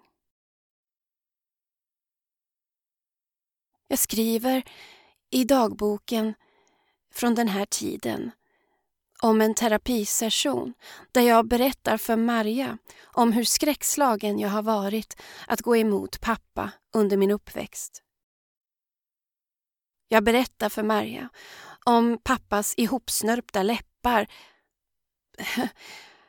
Jag gör en metafor att det liknar ett vitt anus och de mörka ögonen som sög in mig i hans subtila hot. Om hans frustande ursinne och spottet som fräste ur honom och om hans knutna nävar som gjorde mig livrädd.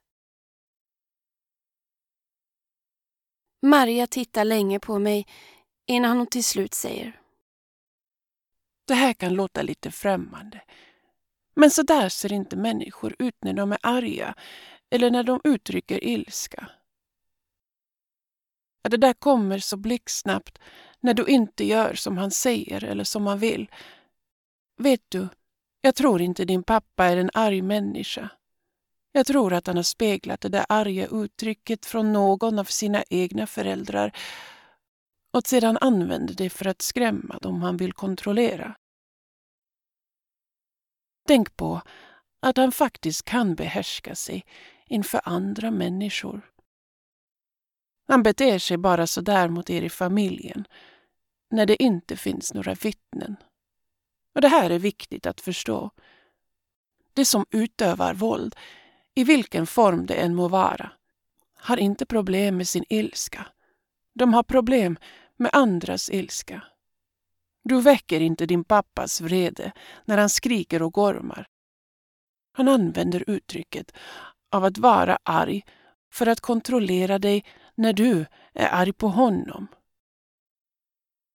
Han har satt i ett system att skrämma dig till tystnad och lydnad och så känner du skuld över att till synes ha väckt hans vrede. Din pappa har inte problem med sin ilska. Han har problem med att du uttrycker din ilska. Maria har naturligtvis rätt. Vi bestämmer att jag ska öva på att sätta tydliga och hälsosamma gränser inför pappa. Att jag ska våga möta rädslan för hans vredesutbrott. Det är bara en inlärd rädsla, enligt Maria.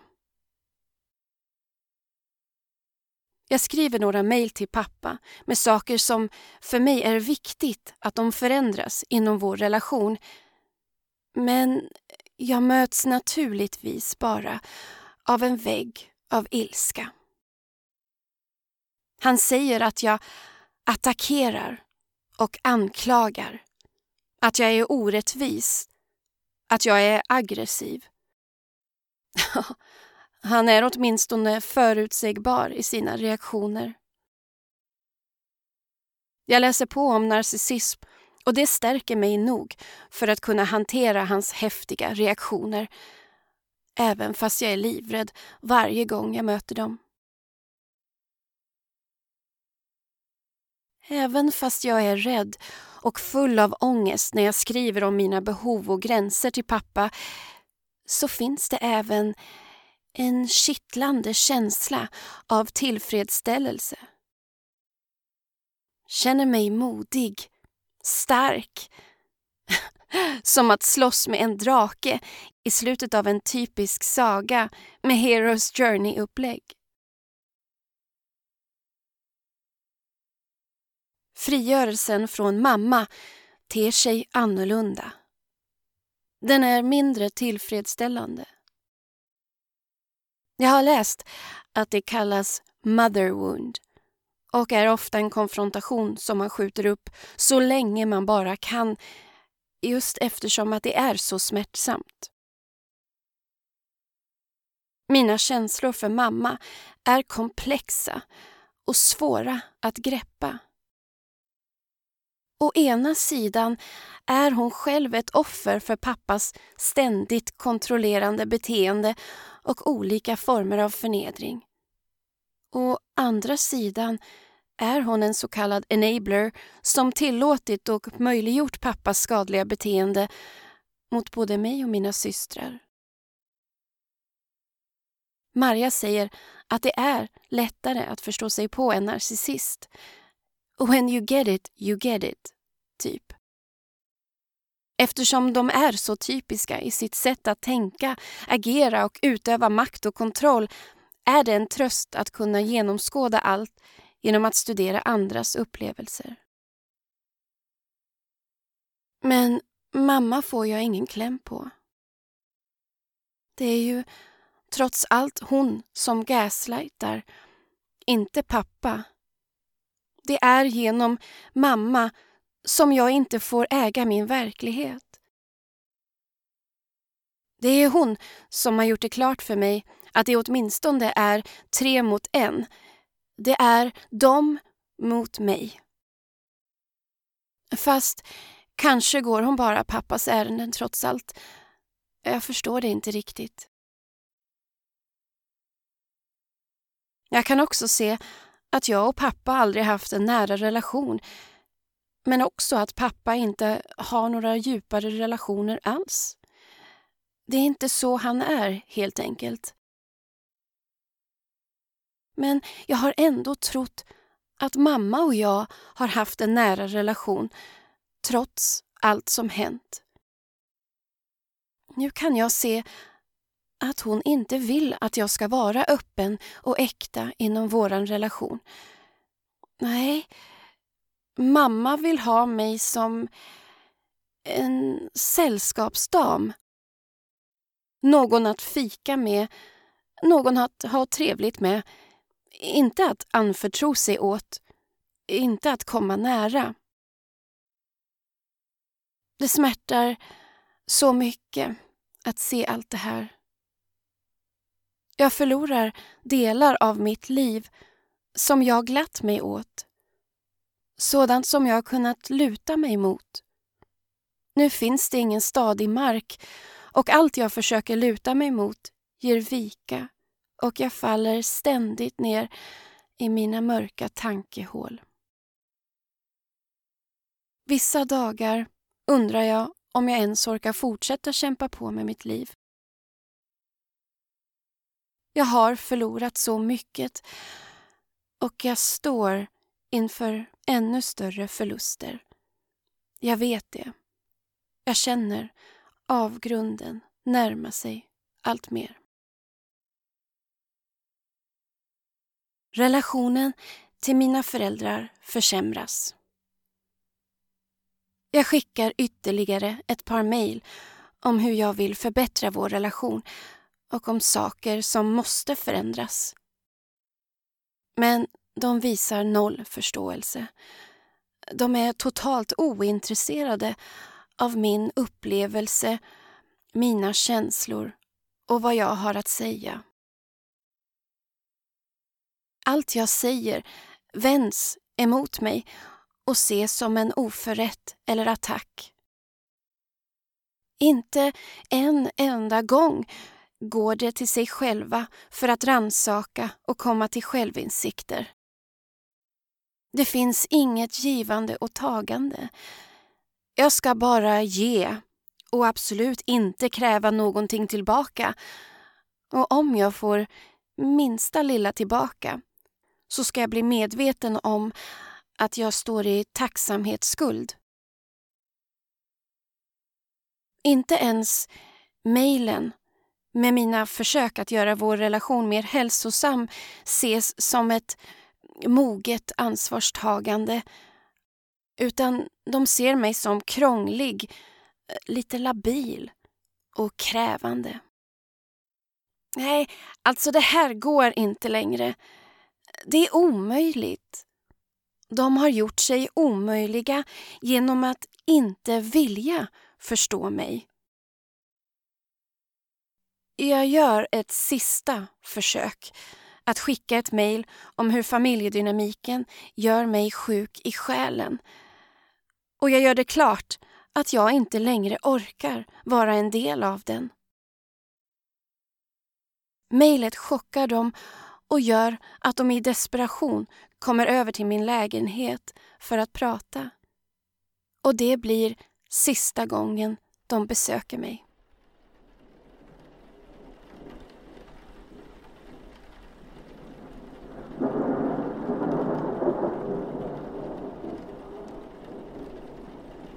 Mamma och pappa sätter sig i varsin fåtölj mitt emot mig där jag sitter i min soffa. Jag trodde för ett ögonblick att de hade kommit över för att vi skulle prata ut. Men de tittar anklagande på mig och mamma tar ordet. Hur kan du göra så här mot oss? Vill du inte ha en relation med oss nu alltså? Men, men mamma, vad menar du? Det är ju ni själva som har skapat den här situationen. Jag förhåller mig bara till den. Och jag kan ställa samma fråga till er. Hur kan ni göra så här mot mig? Att ni tar Rebeckas parti, att ni alltid lägger all skuld på mig. Att riva bort mig från familjen bara för att ni inte vill fejsa er själva i spegeln. Är det så smärtsamt? Är det verkligen så skrämmande? Va? Så läskigt att ni hellre offrar ert eget barn vars enda synd är att hon visar upp spegelbilden åt er eftersom ni själva är så jävla fega. Vad är det ni kämpar för? Jag vet vad jag kämpar för. Men vad är det ni kämpar med både näbbar och klor för? Inte är det för att behålla mig i alla fall. Hur vågar du prata till oss på det här sättet? Har vi inte alltid stöttat dig? Ha? Vem var det som fanns där när du ställde in bröllopet efter allt det där med Juan? Mm? Och vem betalar för din utbildning? Vem har alltid ställt upp på dig och hejat på att du ska bli starkare och få mer skinn på näsan? Vi har väl alltid velat ditt bästa? Jag är väldigt tacksam över allt det där pappa. Och det har jag påtalat nu precis lika många gånger som du drar upp det där för att skapa dåligt samvete hos mig. Men nu pratade vi alltså inte om allting som är bra utan om det som inte varit bra. Och ni uppmuntrar mig till att jag ska bli självständig, ha skinn på näsan och vara stark. Men sedan när jag agerar därefter så kapar ni av den styrkan direkt. Och nej, ni har faktiskt inte varit där för mig när jag behövt ert känslomässiga stöd. Kanske inte ens en enda gång faktiskt. Oj, oj, oj, så synd det är om dig då. Förlåt så hemskt mycket om vi inte är perfekta föräldrar som gjort allt rätt för vår lilla prinsessa här. Le men Lennart, lugna dig Jag har aldrig begärt att ni ska vara perfekta utan bara att ni ska visa mig hänsyn, förståelse och respekt. Är att visa hänsyn och respekt det att du pratar om oss som om vi vore monster. Och du bara kräver och kräver av oss. Du har blivit en riktig kravmaskin, vet du det? Men pappa, vad är det som är så farligt med att ställa krav på att bli behandlad med hänsyn och respekt? Det är väl ändå ett högst rimligt krav att ställa, eller? Och det är bara du själv som kallar er för monster. Jag har aldrig kallat er för det. Det finns inte i min världsbild. Så lägg inte ord i min mun. Nej, du har en sådan hatisk ton mot oss. Nu får det vara nog. Eva, kom nu, nu går vi härifrån. Pappa rusar ut i hallen och muttrar att han aldrig vill höra från mig igen. Att jag är en förbannat bortskämd barnrumpa. Sedan smäller han igen ytterdörren med all sin kraft. Mamma reser sig långsamt upp från fåtöljen. Hennes mun är ihopknipen till ett tunt streck. Jag kan ana tårar i hennes ögon men blicken utstrålar ingen värme. Jag kan inte spegla mig i den. Hon är som en främmande gestalt som blänger på mig från hallen där hon tar på sig skorna. Hon säger inget. Inte förrän hon öppnar dörren.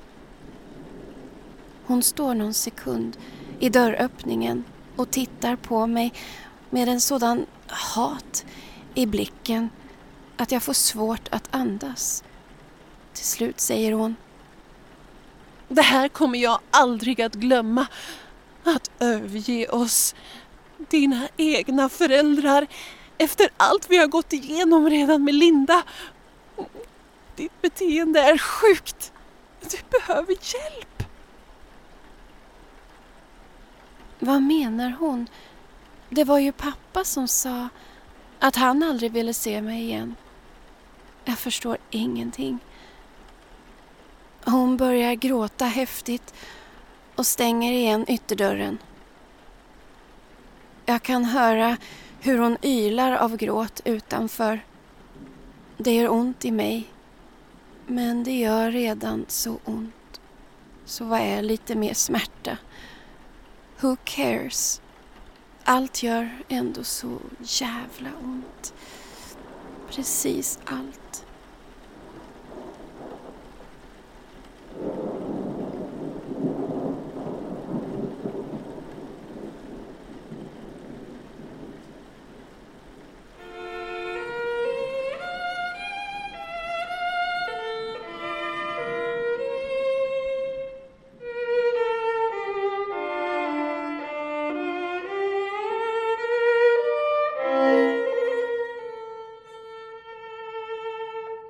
Gården, går den. Precis här. Linjen. Gränsen. Sprickan som under många år har öppnat upp en avgrund. Jag har hoppat över den. Jag är över på andra sidan. Eller kanske är jag mitt i den djupa avgrunden jag vet inte säkert, för just nu känns allt bara svart.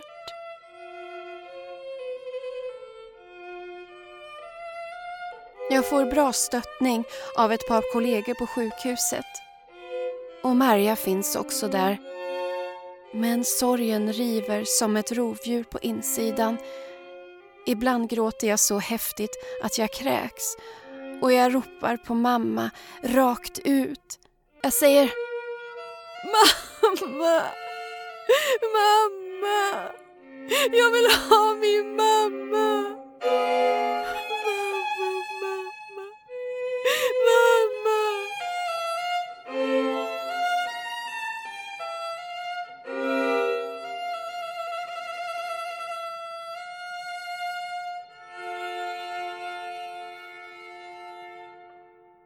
Men hon svarar inte. Jag har ju själv tystat henne.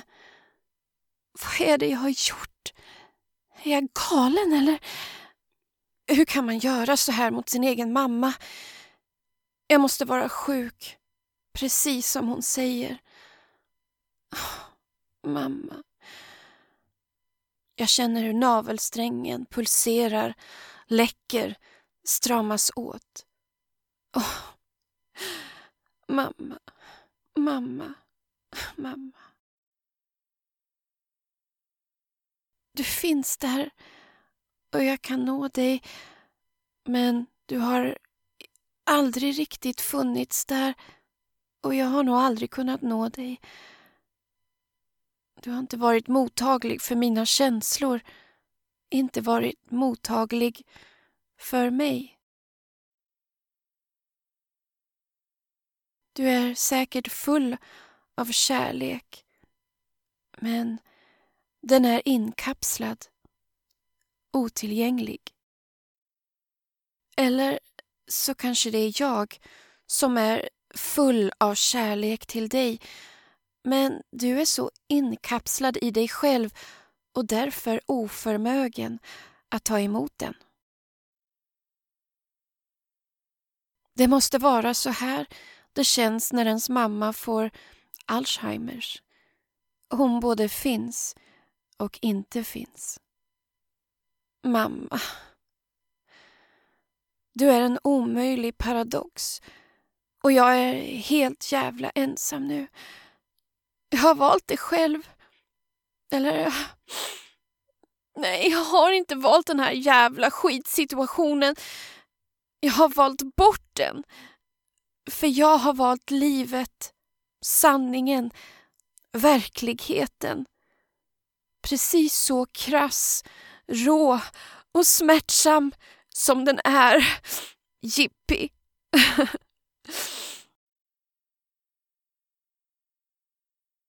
nu har inte bara de gjort sig omöjliga.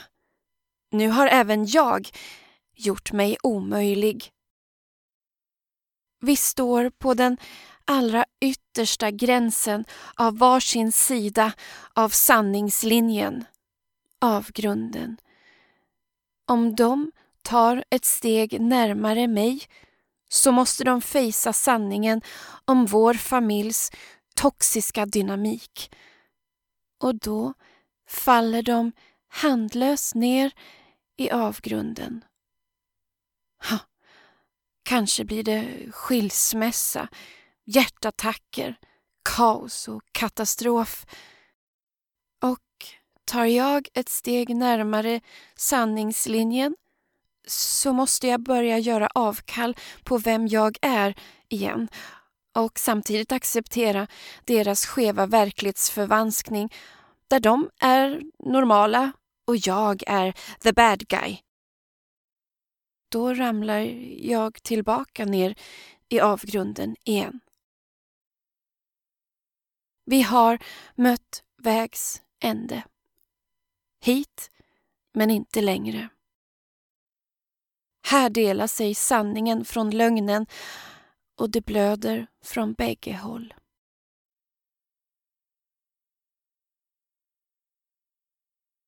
Dagboken sex månader efter uppbrottet med mamma och pappa. Det är tyst från andra sidan sanningslinjen. Det sårar att varken mamma eller pappa har gjort någon större ansträngning för att rädda vår relation. Men på ett sätt är det även en välsignelse. För det hade varit smärtsamt att behöva avvisa dem gång på gång. Det finns åtminstone en tyst överenskommelse om att inte ha kontakt. Det gör det lättare för mig att anamma lågkontaktstrategin eller Grey Rock Method som går ut på att endast svara så kortfattat som möjligt och utan känslor på eventuella kontaktsförsök. Det har endast kommit små opersonliga sms som jag svarat kortfattat och artigt på.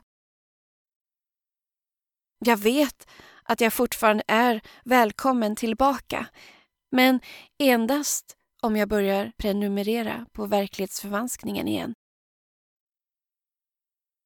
Det är verkligen som att lämna en sekt. Allt makes sense när man ingår i sekten. Men så fort man står utanför den så känns allt både sjukt och skevt. Jag vet också att det är omöjligt att se allt detta från insidan. Därför accepterar jag att jag inte kan få dem att se det jag ser. Den här acceptansen gör det möjligt för mig att stå ut i den här tystnaden. Sorgen är ibland så överväldigande att jag har svårt att fungera på jobbet. I början var den mer konstant, som en inre solförmörkelse som läckte ut svärta genom varje andetag. Nu kan det gå flera dagar utan att jag gråter men så slår sorgen till med plötsliga knivhugg. Ändå så är varje dag ett litet steg närmare ett självständigt liv mot att bli autonom. Jag har ingen att vända mig till nu. Det är bara jag. Känslan av övergivenhet och den totala massiva ensamheten är ibland outhärdlig att vara i. Men jag tar mig igenom den i alla fall. Jag vet inte riktigt hur, Men det förvånar mig att jag klarade så bra. Den här ensamheten är ju ändå något jag har försökt undvika så länge jag kan minnas. Samtidigt så är tystnaden och ensamheten en plats att läka i. Det är endast här som jag kan trassla mig ur de giftiga rötterna. Sorgen är min öde ö där jag kan hitta tillbaka till mig själv igen. Jag sörjer så mycket. Jag sörjer illusionen om en trygg barndom. Om en mamma som skyddar mot världens alla hot. Jag sörjer en syster att dela upplevelser med. Att få följa mina syskonbarn på deras livsresor. Jag sörjer gemenskapskänslan på högtidsdagar, storhelger och födelsedagar.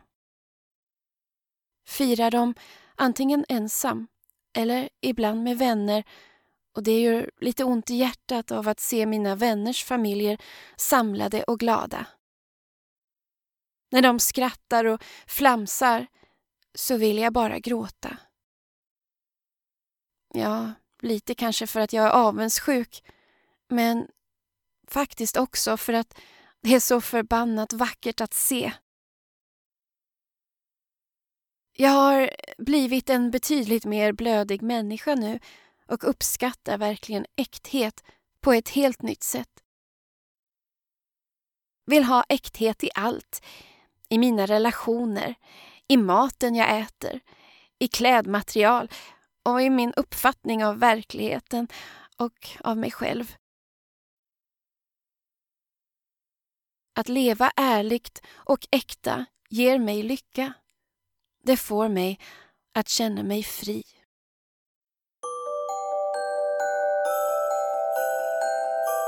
Ur dagboken samma år, första advent.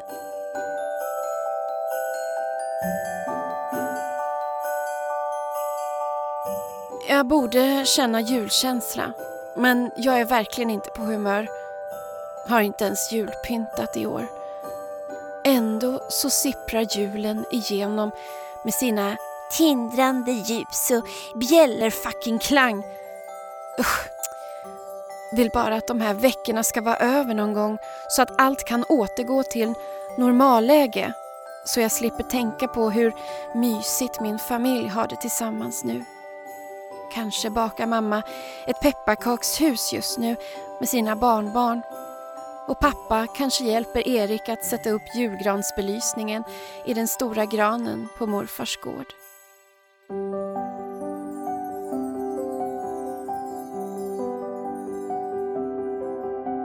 Men sorgen har skiftat färg. Nu är jag mer förbannad och tycker allt jag varit med om är både absurt och bisarrt. Har slukat kunskap om narcissism, psykisk misshandel och trauma samtidigt som jag pusslat ihop alla fragment av insikter och minnen.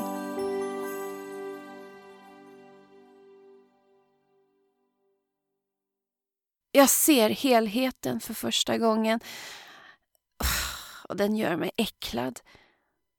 Ser igenom all manipulation, gaslighting och alla härskartekniker.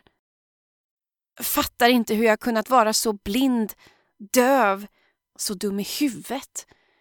Hur kunde jag gå på allt det där? Att behöva tryckas ner till den nedersta positionen i familjehierarkin.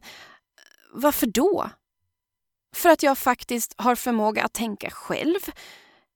Att jag inte jobbade hårt för att leva upp till deras förväntningar.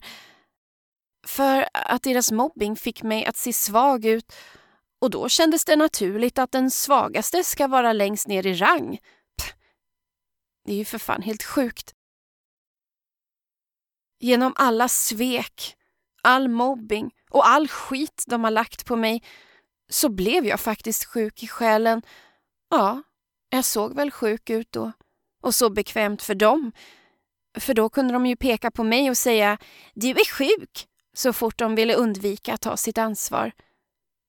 Ja, att kalla mig för sjuk har varit deras fribiljett ut ur sin egen skuld och skam. Det är förjävligt. Har även sett igenom den här tacksamhetsskulden som de har prackat på mig. Varför har den bara gått åt ena hållet för? Varför står de inte i tacksamhetsskuld för allt som jag har gjort för dem? Tacksamhetsskuld för att jag har släpat runt på deras skuld. För att jag fick ta ett så stort ansvar över mina systrar när jag var liten. För att jag har svalt så mycket skit. För att de ska få familjefrid för att jag medlade mellan mina föräldrar när de grälade och för allt tålamod som jag har haft och alltid funnits där för dem trots att jag faktiskt hade haft all rätt att bryta med dem mycket tidigare.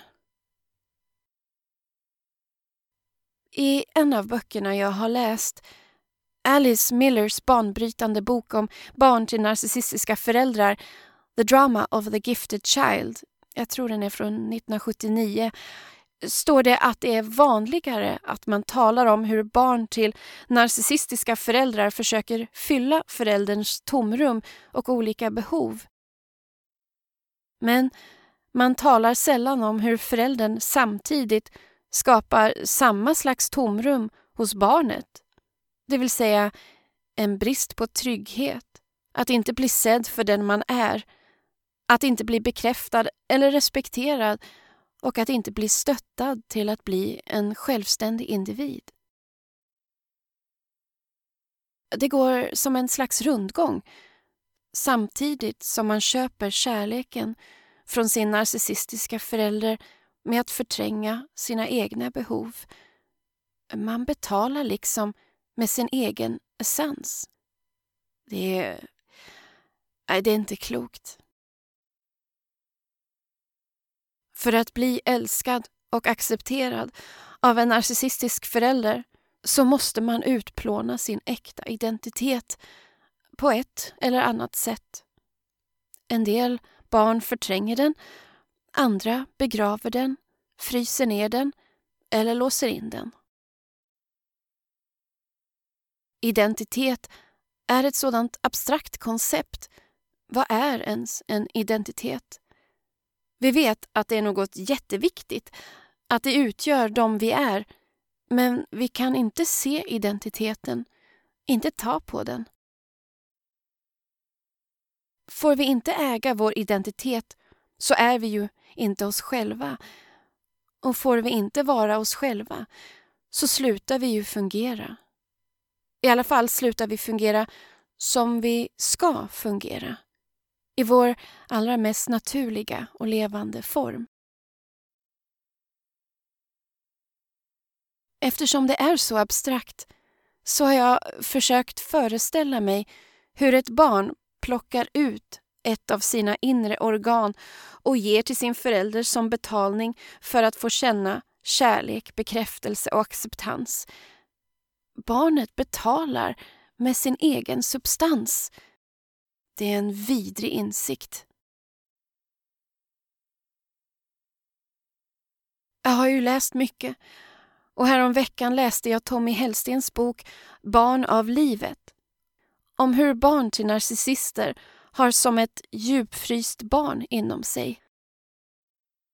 Ett barn som frusit fast där inne eftersom det inte fått tillräckligt med värme av sig själv och föräldern och inte fått komma till tals, inte blivit ordentligt bekräftat eller blivit älskad på rätt sätt.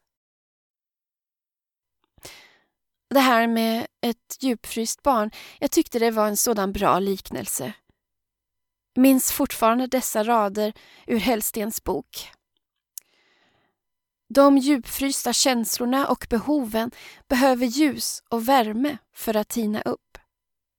Visst är det fint sagt? Nu gäller det att jag tinar upp mitt inre frusna barn med hjälp av min egen värme, självmedkänsla ja, och självintimitet. Det är dags att jag blir min egen förälder nu Som inte bara lyssnar till vad jag vill eller inte vill, utan också förstår vad jag behöver och vad jag inte mår bra av. Alla de behov som suttit fastfrusna inom mig eftersom de inte accepterats av mamma eller pappa. Bara för att de inte tog ansvar för mina känslomässiga behov så betyder det ju inte att jag inte kan ta det ansvaret själv som vuxen. Det känns nästan rörande att tänka på. Men ibland drabbas jag av skuldkänslor när jag känner ömhet för mitt inre barn. För det betyder ju samtidigt att jag faktiskt har ett värde. Att jag alltid har haft ett värde. Och hur kan jag ha ett värde och samtidigt ha varit hela familjens sophög under hela mitt liv? Det blir en konflikt mellan förståndet och känslorna. Men så plötsligt ser jag tydligt vad mitt värde är, vad min röst är värd, vad mina tårar är värda, vad mitt hjärta är värt. Och jag förstår att jag inte är värdelös. Jag har bara behandlats illa och lärt andra att behandla mig så som min familj har gjort. Jag kommer aldrig mer tillåta att jag behandlas illa. Aldrig mer. Nej, aldrig.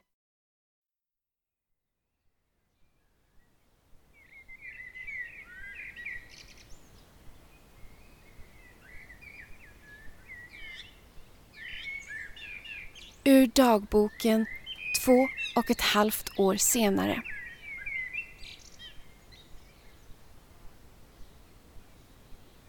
Jag har många fina minnen av min familj.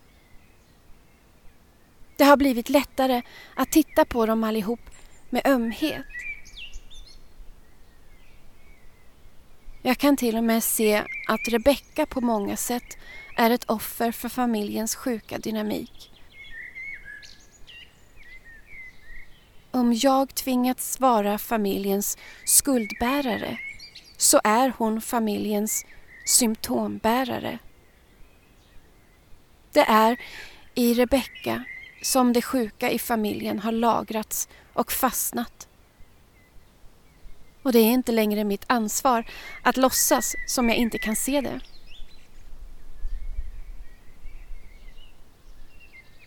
Även om jag numera kan titta tillbaka på mina minnen av familjen med mer ömhet i blicken än bitterhet så representerar de också en sorg som jag tvingas bära med mig för resten av mitt liv. Men att bära deras eller andras skuld och skam har jag slutat konka runt på. Det tillhörde aldrig mig från början. Det har tagit en lång tid för mig att skaka av mig tyngden av allt det där. Men ju mer jag har lärt mig älska mig själv, ju lättare har det blivit. Att lära mig avvisa dem har varit den allra svåraste utmaningen. Att inte falla tillbaka in i dynamiken när de har kontaktat mig. Att förbli tyst och kylig fast jag har så vansinnigt mycket jag skulle vilja säga till dem. Och fastän jag inte är en kall person. Det är svårt. Men jag påminner ständigt mig själv om att jag äger det här beslutet att frigöra mig från familjen. Jag äger också tystnaden. Jag äger för första gången mitt liv och min verklighet. Har alltid trott att jag behöver deras godkännande på allt. Men den enda som har rätt att tycka och tänka något om mina livsval är jag själv. Ja, den insikten skapar sådan frihet. Men den här situationen innehåller även oväntade, konstiga incidenter. Häromveckan såg jag mamma i en matbutik. Mitt i gången med kryddor stod hon. Så fort jag såg henne spred sig en omedelbar blandning av kärlek, rädsla och panik ut i kroppen. Jag blev perplex och visste inte om jag skulle springa fram och kasta mig i hennes armar eller springa ut ur butiken. Jag vände mig snabbt om och gick åt andra hållet. Men det var för sent. Hon hade redan sett mig. Jag kände hennes blick borra sig in i min rygg. Medan jag rusade mot utgången så ringde hon min mobil. Jag såg över min axel att hon såg när jag swipade bort samtalet innan jag försvann ut ur butiken. Väl ute på parkeringen så bröt jag ihop totalt. Det kändes så fruktansvärt att avvisa mamma sådär. Men jag vet ju att vad vi än har att säga varandra så återstår den avgrundsdjupa sanningslinjen mellan oss. Vi lever inte på samma sida av sanningen. Vi delar inte samma verklighet. Och verkligheten är ju själva fundamentet av allt som utgör ens liv och medvetande. Hur skulle vi tala med varandra utan att vara förankrade i samma verklighet? Vad har vi att säga varandra när min verklighet inte får lov att existera? När min sanning måste förnekas för att vi ska kunna ha en trevlig stund tillsammans. Tystnaden är numera det enda språk som vi kan tala med varandra. Ett språk som vi har gemensamt, som vi båda kan förstå. Troligtvis kommer hon aldrig att veta hur mycket som ryms i min tystnad. Allt det som hade kunnat vara om jag bara hade fått bli accepterad för den jag är.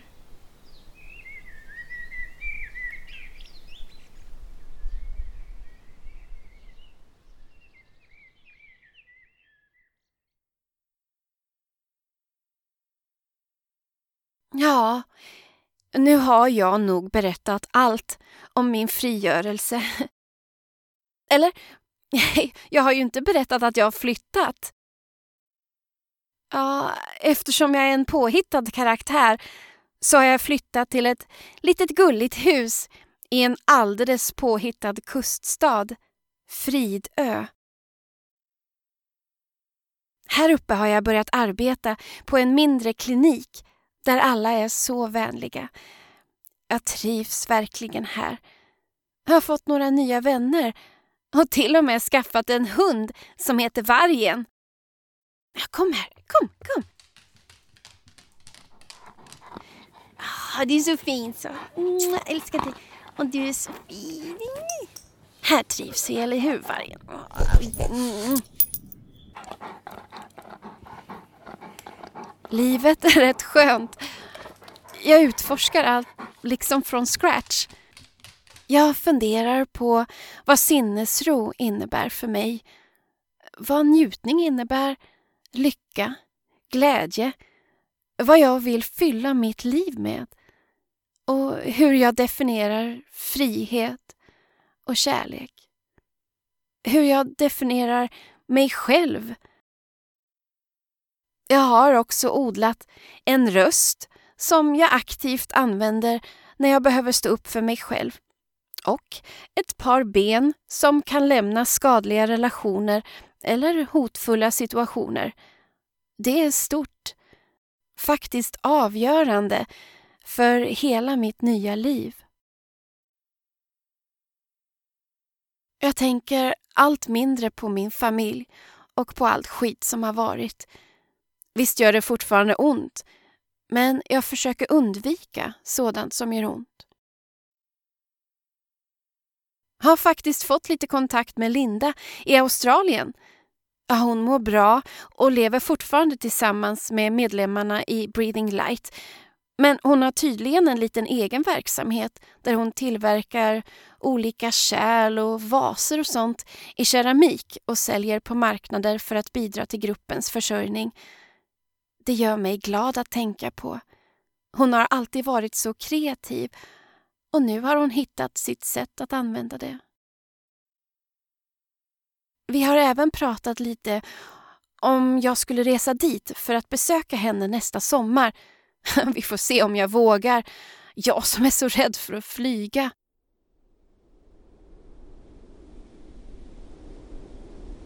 Eller flyga är väl på ett sätt det jag gör hela tiden numera. Jag har lärt mig att flyga med mina egna vingar som bär mig högt ovanför det mörker som jag brukade leva i.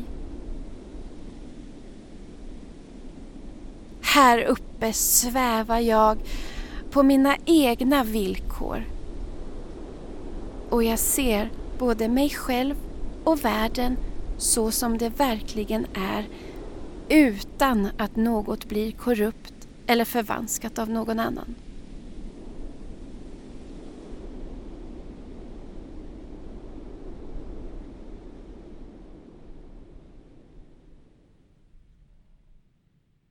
Även fast jag är en påhittad karaktär och ingenting av det jag har berättat har hänt på riktigt så är jag ändå så glad att du ville lyssna på det jag hade att säga.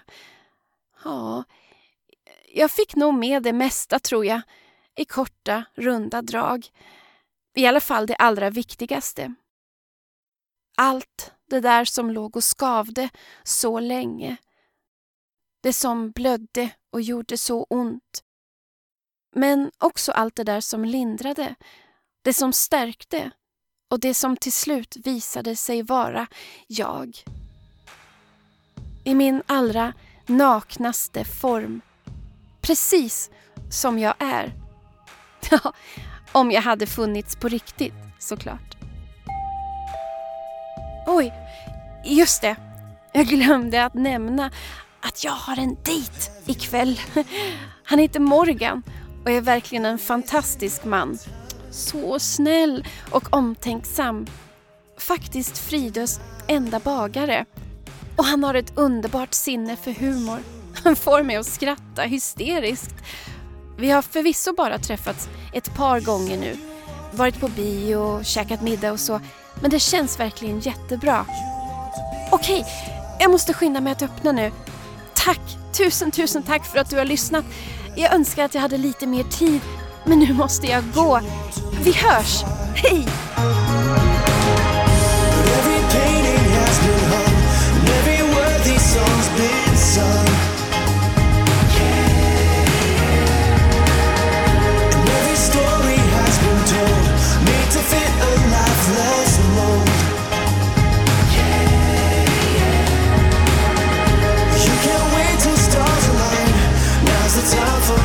Du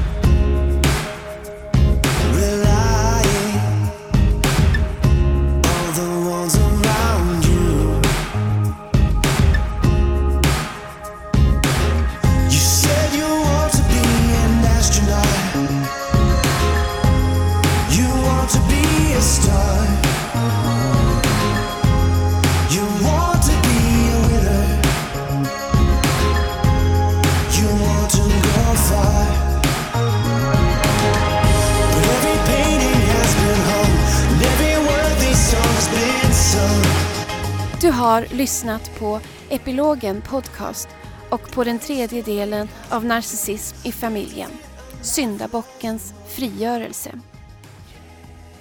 Jag som skrivit, framfört och producerat podden heter Mia Makila. Samtliga karaktärer i det här avsnittet har jag spelat själv. Mer info om mig och epilogen finns på miamakila.com. Musiken i avsnittet är poddsäker. Mer info om låtarna finns i avsnittsbeskrivningen. Sist men inte minst, tack för att du har lyssnat.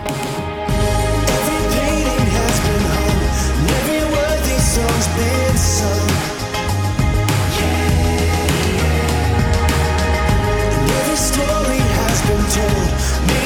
painting